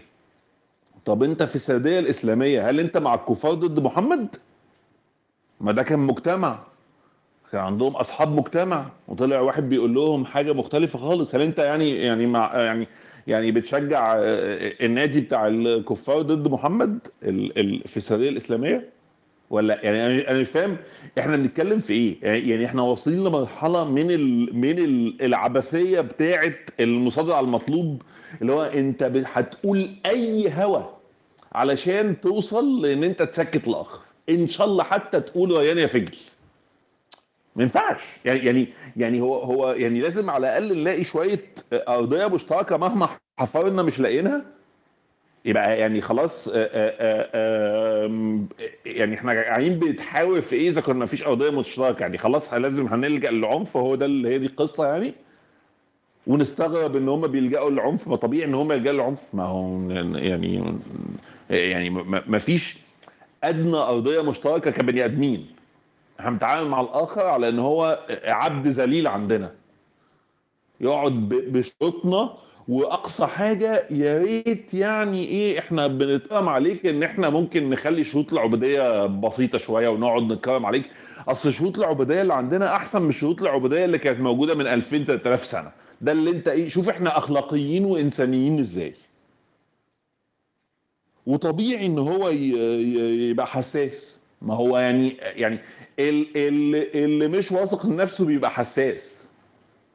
excuse the body shaming بس ده بيسموه short man syndrome كل ما ما الراجل بيبقى ضعيف بيبقى الإيجو بتاعه عالي ولا أنا جامد قوي أنا جامد قوي ده طبيعة ال ال الناس اللي عندها self confidence في الحضيض. اللي اللي عنده يعني يعني solid position ما بيهموش. يا جدعان إحنا إحنا إحنا ما بن ما بنتحفزش ولا بت ولا بنتنطط ولا بنبقى عايزين نذبح الراجل اللي بيقول أرض مسطحة. يعني ما طبيعي. اللي هو ما ماشي آه أنت أنت قول اللي أنت عايزه يعني. ما بنعتبرش ده ازدراء يعني. مع إن هو ده حاجة فاكت يعني. إحنا قاعدين بن بن يعني عارفين انها مش مسطحة. نعمل إيه طيب يعني؟ ومع ذلك عادي خالص مش مش هن مش هن ما بنتشمللش ونعتبر ده ازدراء وموضوع إن احترم المقدسات أنا بحتقر كل المقدسات كمبدأ. في مصر في أمريكا بقى في أي حتة. كمبدأ ال concept of مقدسات ده أنا بحتقره. concept يعني من أوله لآخره كده. أنا بحترم حقك إن أنت تقدس شيء. ده حقك. أنا بحترمه علشان بحترم حقوقك. بحترم كل حقوق كل البني آدمين. حتى الحقير من البني آدمين دول أنا بحترم حقوقه. إنما عايزني أنا أقدسها ومفيش حاجة اسمها احترم مقدساتي نفسها لا من غير مش لازم أقول لك تقدسها لا حضرتك مفيش احترام لمقدس إلا بتقديسه. by definition يعني بالتعريف. مفيش احترام لمقدس إلا بتقديسه. فأنت مصر إن أنا أقدس مقدساتك ليه؟ بأمارة إيه؟ و- وكلمة بأم... عارفة كتير إزاي؟ أنت كتير و... وبتجبر حد إن هو ما, ي... ما يقولش إن أنا مش منكم؟ ده اسمه كتير؟ أنت كذاب. أنت كذاب. حتى وأنت بتقول أنا كتير أنت كذاب. لما بتقول إن في مليار ونص مسلم بتعدهم إزاي؟ بتعدهم تحت تهديد سلاح؟ في كام واحد آه، آه، آم، مسلم بالبطاقة في مصر؟ مصر اللي أنا عارفها يعني ما أعرفش بقية البلاد عاملة إزاي يعني. ما أعرفش بقية البلاد فيها بطاقة ولا فيهاش بطاقة فيها خانة ديانة اللي هي concept يعني متخلف وحقير conceptually كده. مال دين أم المجتمع والبلد والدولة إن أنا أنا معتقدي إيه؟ مالكم؟ اللي هو يعني إحنا جايين يعني كذب صريح. وبنبني عليه كل الارجيومنتس بتاعتنا. إيه ده؟ وبعدين. أنا صاحب المجتمع. إيه إيه إيه ده؟ إيه إيه إيه, إيه ال- العبودية والشمولية والفاشية دي؟ استعباد. فقط. فقط. فيعني إيه؟ انشفوا كده في إيمانكم عشان عشان آه، آه، آه، يعني استحملوا شوية أنا عارف إن أنتوا حساسين والموضوع هش بالنسبة لكم بس معلش انشفوا شوية. وانشفوا عشان اللي جاي صعب. يعني يعني يعني صعبانين عليا. اللي جاي صعب. إحنا ممكن نكون بنتحبس ونتقتل ونتنيل بس يعني إيه؟ اللي جاي عليكم صعب. يعني لازم كده تنشف كده وت... وت... تعالج مش خطاب الديني والكلام ال- تجديد خطاب الديني والكلام ده لا تعالج المنظور نفسه للعقيدة إن هو إن هي تبقى عقيدة ما تبقاش آه، يقين في حاجة اسمها عقيدة ويقين في نفس الجملة في حاجة اسمها آه، آه، متخيل العقيدة بتاعتك حقيقة. قاعد قاعد متخيل إن إن إن هي حقيقة مطلقة كمان يعني اللي هو وإزاي الناس مش شايفاها؟ إيه ده؟ يعني ال extreme left شايفينه extreme right. بأمارة إيه؟ ده وده يبقى اسمه إيه؟ يعني يعني عقلية إيه اللي بتشوف كده؟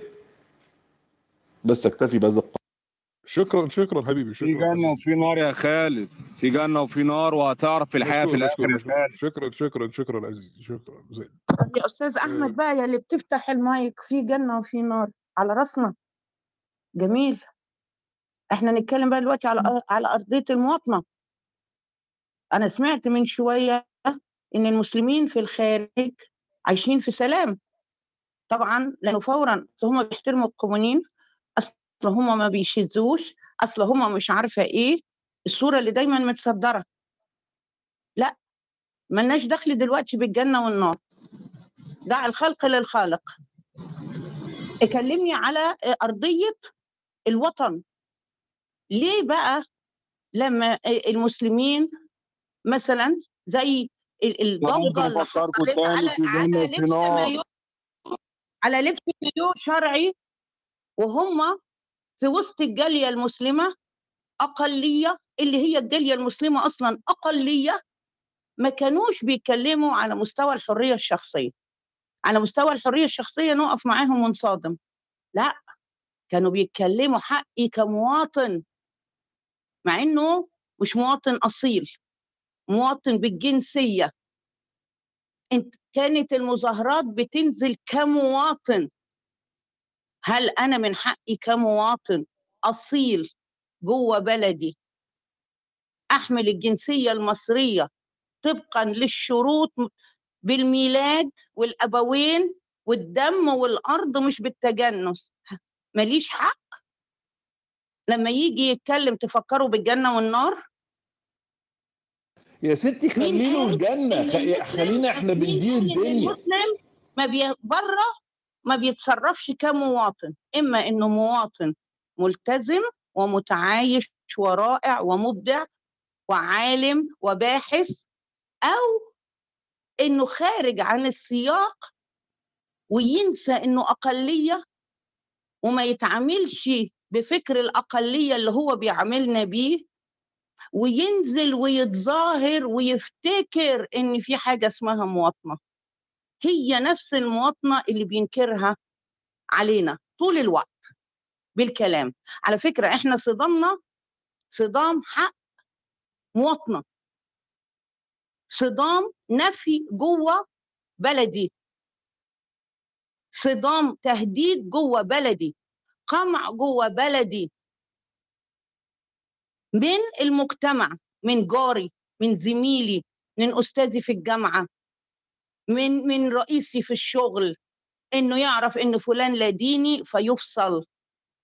طول الوقت هو مقموع مجتمعيا. نفس المسلمين اللي أول ما بيركبوا الطيارة ويسووا أوراقهم بيعرفوا يعني إيه حق مواطنة. يرجع أجازة شهر في السنة يبقى قاعد في الزاوية بيحرض على الباقيين وينفي حق المواطنة لغاية ما يركب الطيارة ويرجع تاني. هو نفس الشخص. هو نفس المسلم. ليه؟ هو هنا السؤال. فلما يجي يتكلم شخص ويقول حقي إني أعيش حقي إني أكون مواطن كامل حقي إني أمارس حريتي حقي إني أعبر عن نفسي وعن أفكاري حقي لو كنت مبدع إني أعبر عن إبداعي ايا كان في كتاب في لوحة في أغنية ايا في دراما ايا كان. ومش من حقك تقهرني ومش من حقك تهددني بالسجن ومش من حقك إن أنت يوصلني رسائل تهديد زي ما بيحصل مع واحد زي سيد القمني إنه يمرض من كتر الرعب على أولاده وأعيش تحت الحراسة لو كنت شخصية مشهورة. جوه بلدي مش خارج بلدي. لما نيجي نتكلم على ده حد يفتح المايك ويقول الجنة والنار. شكرا بيلي. شكرا أنا شكرا مش فاهم يا جماعة ما خليك في الجنة والنار سيب لنا الدنيا نديرها بقى بمفاهيم الدنيا وب- وبقواعد الدنيا. مش فاهم. سهل يا جماعة والله يعني سهله خالص يعني. خليه في الجنة والنار و- و- و- وعيش لل- للجنة و- وإحنا تمام. وعلى فكرة والمؤمن مننا أنا أنا راجل لو لو, يعني يعني آه، آه، آه، مؤمن بربنا وكل حاجة أنت مش هتمنعني إن أنا أخش الجنة على فكرة. مفيش حاجة خالص عادي خالص مش حاجة يعني مش يعني الموضوع مش بإيدك أنت يعني أنت كمان عايز تحجر في الدنيا وتحجر في الآخرة أنت أنت فاكر نفسك مين؟ أنا والله ما قادر أفهم. يعني كل واحد فاكر نفسه إله في نفسه مش مش كمان مؤمن بإله هو فاكر نفسه إله في نفسه كده. شكرا شكرا أستاذ خالد. طب المضحك المبكي إذا طبقت عليه يعني هو عنده ازدواجية في المعايير إذا طبقت عليه الآليات اللي, اللي هو بيقولها بيقول لك ده اضطهاد ويأخذ دور المظلومية ويتبكبك انظروا إلى الغرب الكافر ماذا يفعلون بنا شايف لا يسمحون لنا أن ندعو. شوف بمجرد ما أنت إيش طبقت الآليات اللي هو طبقها عليك. طيب لما ناخذ مها مها ويانا؟ مها معنا مها حسن. يا أستاذة مها حسن طيب زرياب شايف أنا معاكم. ويانا مستمتعة جدا بالحديث سوري أنا بس عشان في الشغل بس أنا مستمتعة بالحديث. آه، فبعتذر مثل ما على تتكلمين تفضلي. كتر ألف خيرك ميرسي. عزيزتي منورة زرياب معنا معكم آه مساء الخير. تفضل. بالنسبة لعنوان بالنسبة لعنوان التوبك بال... ما في شيء بالدين بالشريعة في شيء اسمه ازدراء ديانة بال... بالقرآن آه، إذا سمعتم آيات الله يكفر بها ويستهزئ بها فلا تقعدوا معهم حتى يخوضوا. في. في حديث غيره يعني إذا في ناس بيستهزئوا بآيات القرآن وبالتراث ما نقعد معهم حتى يفوتوا بيحكوا بحديث تاني ما نقتلهم ما نحبسهم ما نسب عليهم هيك الآية واضحة قل يا أيها الكافرون لا أعبد ما تعبدون بالأخير ولكم دينكم ولي دين هذا تع... وال- الخلافات الإسلامية هي أول من سمحت بالتعايش. يعني إحنا عندنا لولا لو غير هيك ما عند كان في عندنا مسيحيين ولا كان في عندنا يهود ولا دروز ولا ولا شيعة ولا ولا علويين. إحنا أكثر بلد أو بلادنا هي أكثر إشي فيها التنوع. لو بنرجع للأوروبيين دينهم عدين الملك. يعني الهولنديين بيع- ال- بيعتبروهم خونة لأنهم كاثوليك مش عدين الملك. وفي فرق كبير بين ال... مش فرق كبير هو على فكرة فرق بسيط بين الازدراء وبين الانتقاد. الانتقاد مسموح ما في حد بيزعل من الانتقاد. بتقدر أنت توصل نفس أفك... نفس أفكارك بدون ما تستهزأ وبدون ما تسب والفرق بينهم بسيط بس الأسلوب يعني. بس خلي أسلوبك يكون منيح. بتقدر تحكي إنه الله مش موجود لأنه واحد اثنين ثلاثة بتقدر تحكي إنه هذا نبي محمد مش من الله مش موحى إليه بسبب واحد اثنين ثلاثة؟ بتقول إنه هذا القرآن مش كلام الله بسبب واحد اثنين ثلاثة؟ أو بتقدر تقول إنه الدين الإسلامي غير صالح لهذا العصر بسبب واحد اثنين ثلاثة؟ بدون ما تسب بدون ما تستهزئ الفكرة تحارب بالفكرة بس لما تستهزئ وتسب شو بدي أحاربك؟ هذا الإشي بيستفزني أنا كشخص مش كمس... كعربي كحدا إنه أنت بتسب كياني بتسب ديني بتستهزئ فيه. شو بدي أحاربك؟ الدين ما بيقبرني أصلا إنه أنا أسبك ولا إنه عاديك بيقبرني بس إنه أبعد عنك بس. مش مطلوب منك أنت تقدس مقدساتي مطلوب منك بس ما تسب وتستهزأ مش إشي كتير يعني. شكرا لكم. شكرا حبيبي. ما عندي تعقيب ما عندي تعقيب. تفضل أستاذ علي أنا بعرف بعدك. تحية لكم جميعا. فالأخ يعني في عندنا آية في القرآن يقول الله جل وعلا وإن نكثوا أيمانهم من بعد عهدهم وطعنوا في دينكم فقاتلوا أئمة الكفر إنهم لا إيمان لهم لعلم يعني ينتهون فيعني الطعن يعني بعد نقض العهد والط- والطعن في الدين يقاتل. يعني النبي محمد يعني قتل يعني آه، كعب بن الأشرف لمجرد أنه قال قصيدة شعرية. يعني يعني والأحاديث كثيرة لا أريد أن أخوض في هذه المسألة. فالأمر هنا يعني أنت يعني تبيح لنفسك انتقاد وسب وشتم أصحاب الأديان الأخرى ولكن عندما يقول واحد مثلا محمد ليس بنبي عندك دليل عندك دليل عندك دليل من ممكن ممكن تسكر مايكك يا رضا؟ ما أنا بنزل أحد شباب عشان خاطر. كمل أستاذ علي؟ الأدلة في القرآن والسنة يا عزيز. يكفي أن أن تقرأ القرآن جيد والسنة كما كما يعني بحيادية ستجد أن كل من انتقد الإسلام حكمه القتل.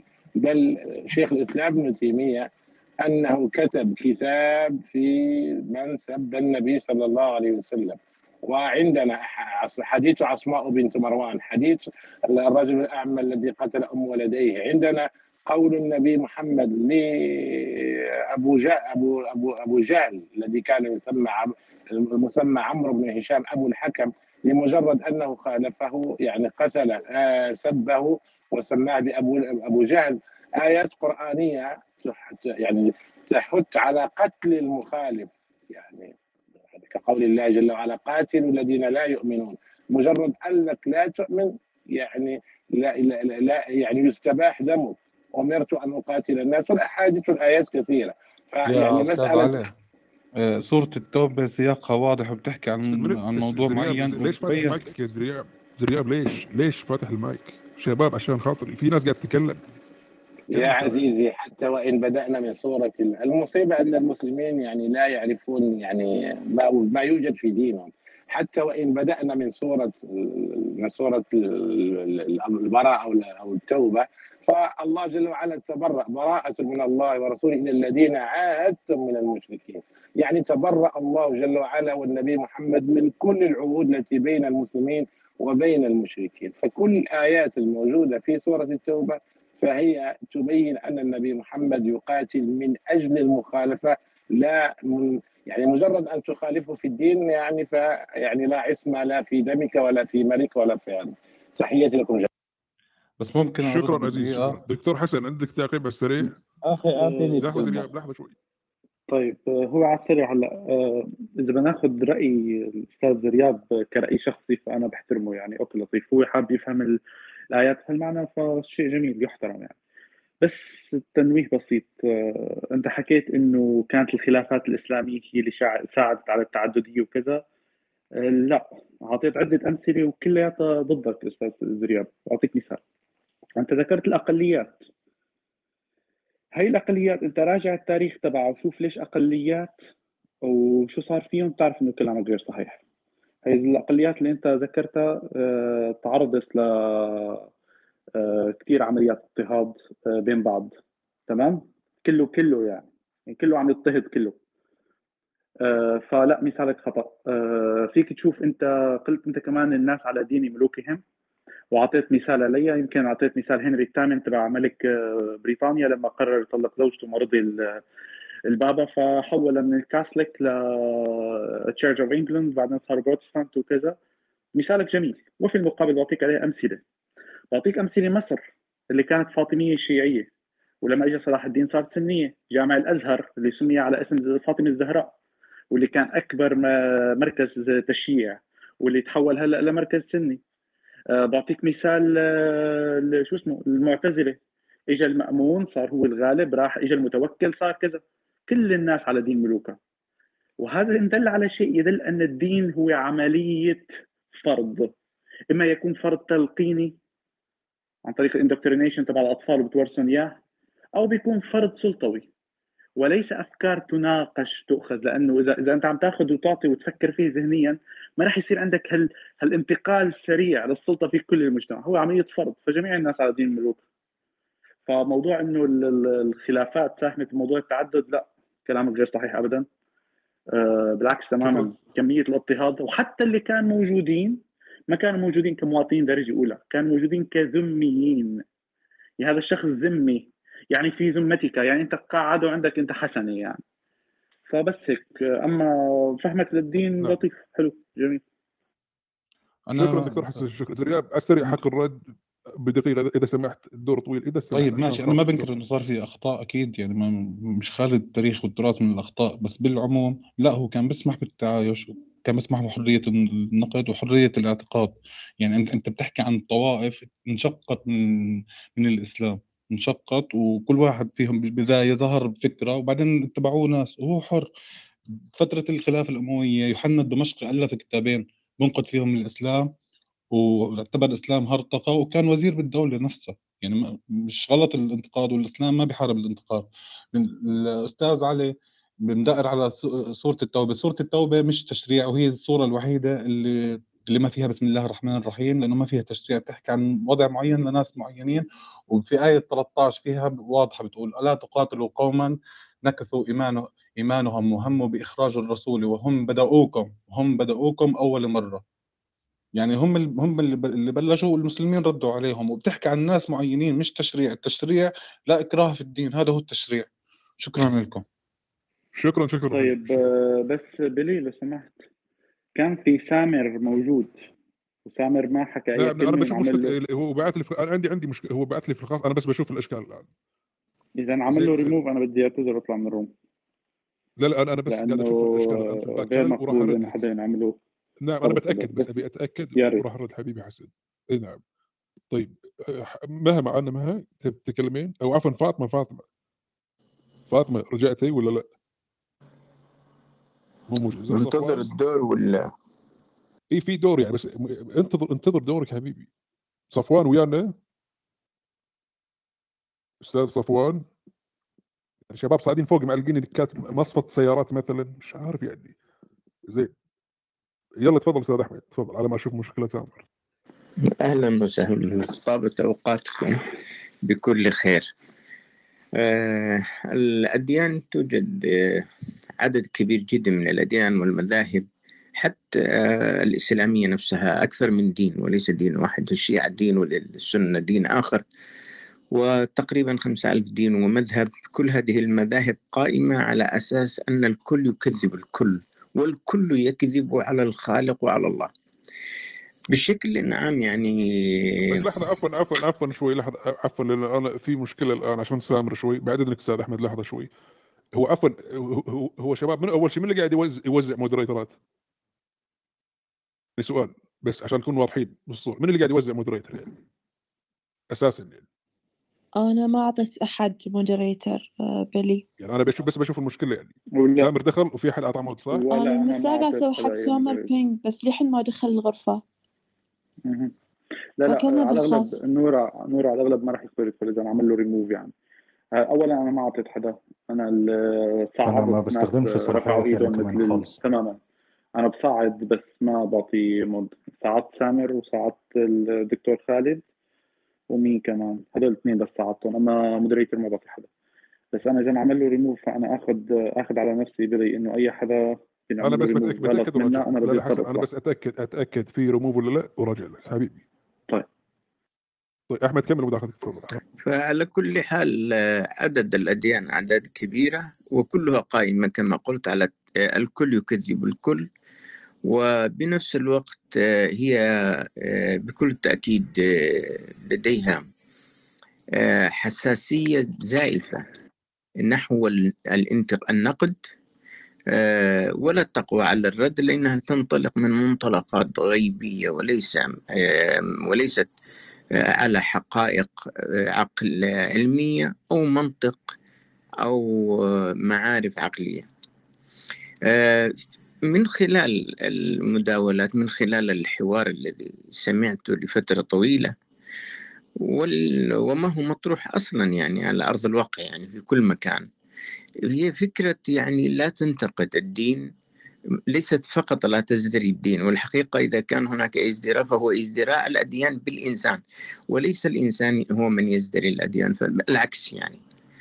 آه، لكن بشكل عام الكل يقول احترم عقيدتي احترم مذهبي احترم ديني احترم احترم إلى آخره. وحتى أنهم أيضا يعني في داخل الدين الواحد نفسه في داخل المذهب الواحد نفسه يقال يقال ل- لل للأتباع آه، لا لا تتدخل لا تسأل لا تناقش لا تفتي لا تتحدث عن الدين وعن ولا تسأل لا يعني يجي هذه ليست اختصاصاتك. يجب هنا أن نقف أمام مفهوم يعني أو نقطة محورية. وهي النقطة اللي أعتقد الحوار كله يدور حولها وهي يعني آه، عدم انتقاد الدين عدم الحديث عن الدين باعتبارات الاعتبارات مختلفة. في الحقيقة الدين هو من يتدخل في شؤوني هو من يخاطبني. الأديان والمعتقدات والمذاهب ليست عبارة عن تخصصات هي فعل يعني حديث مباشر مطالبات مباشرة لي أنا شخصيا. فأنا مضطر على الرد ومضطر للسؤال ومضطر للانتقاد ليس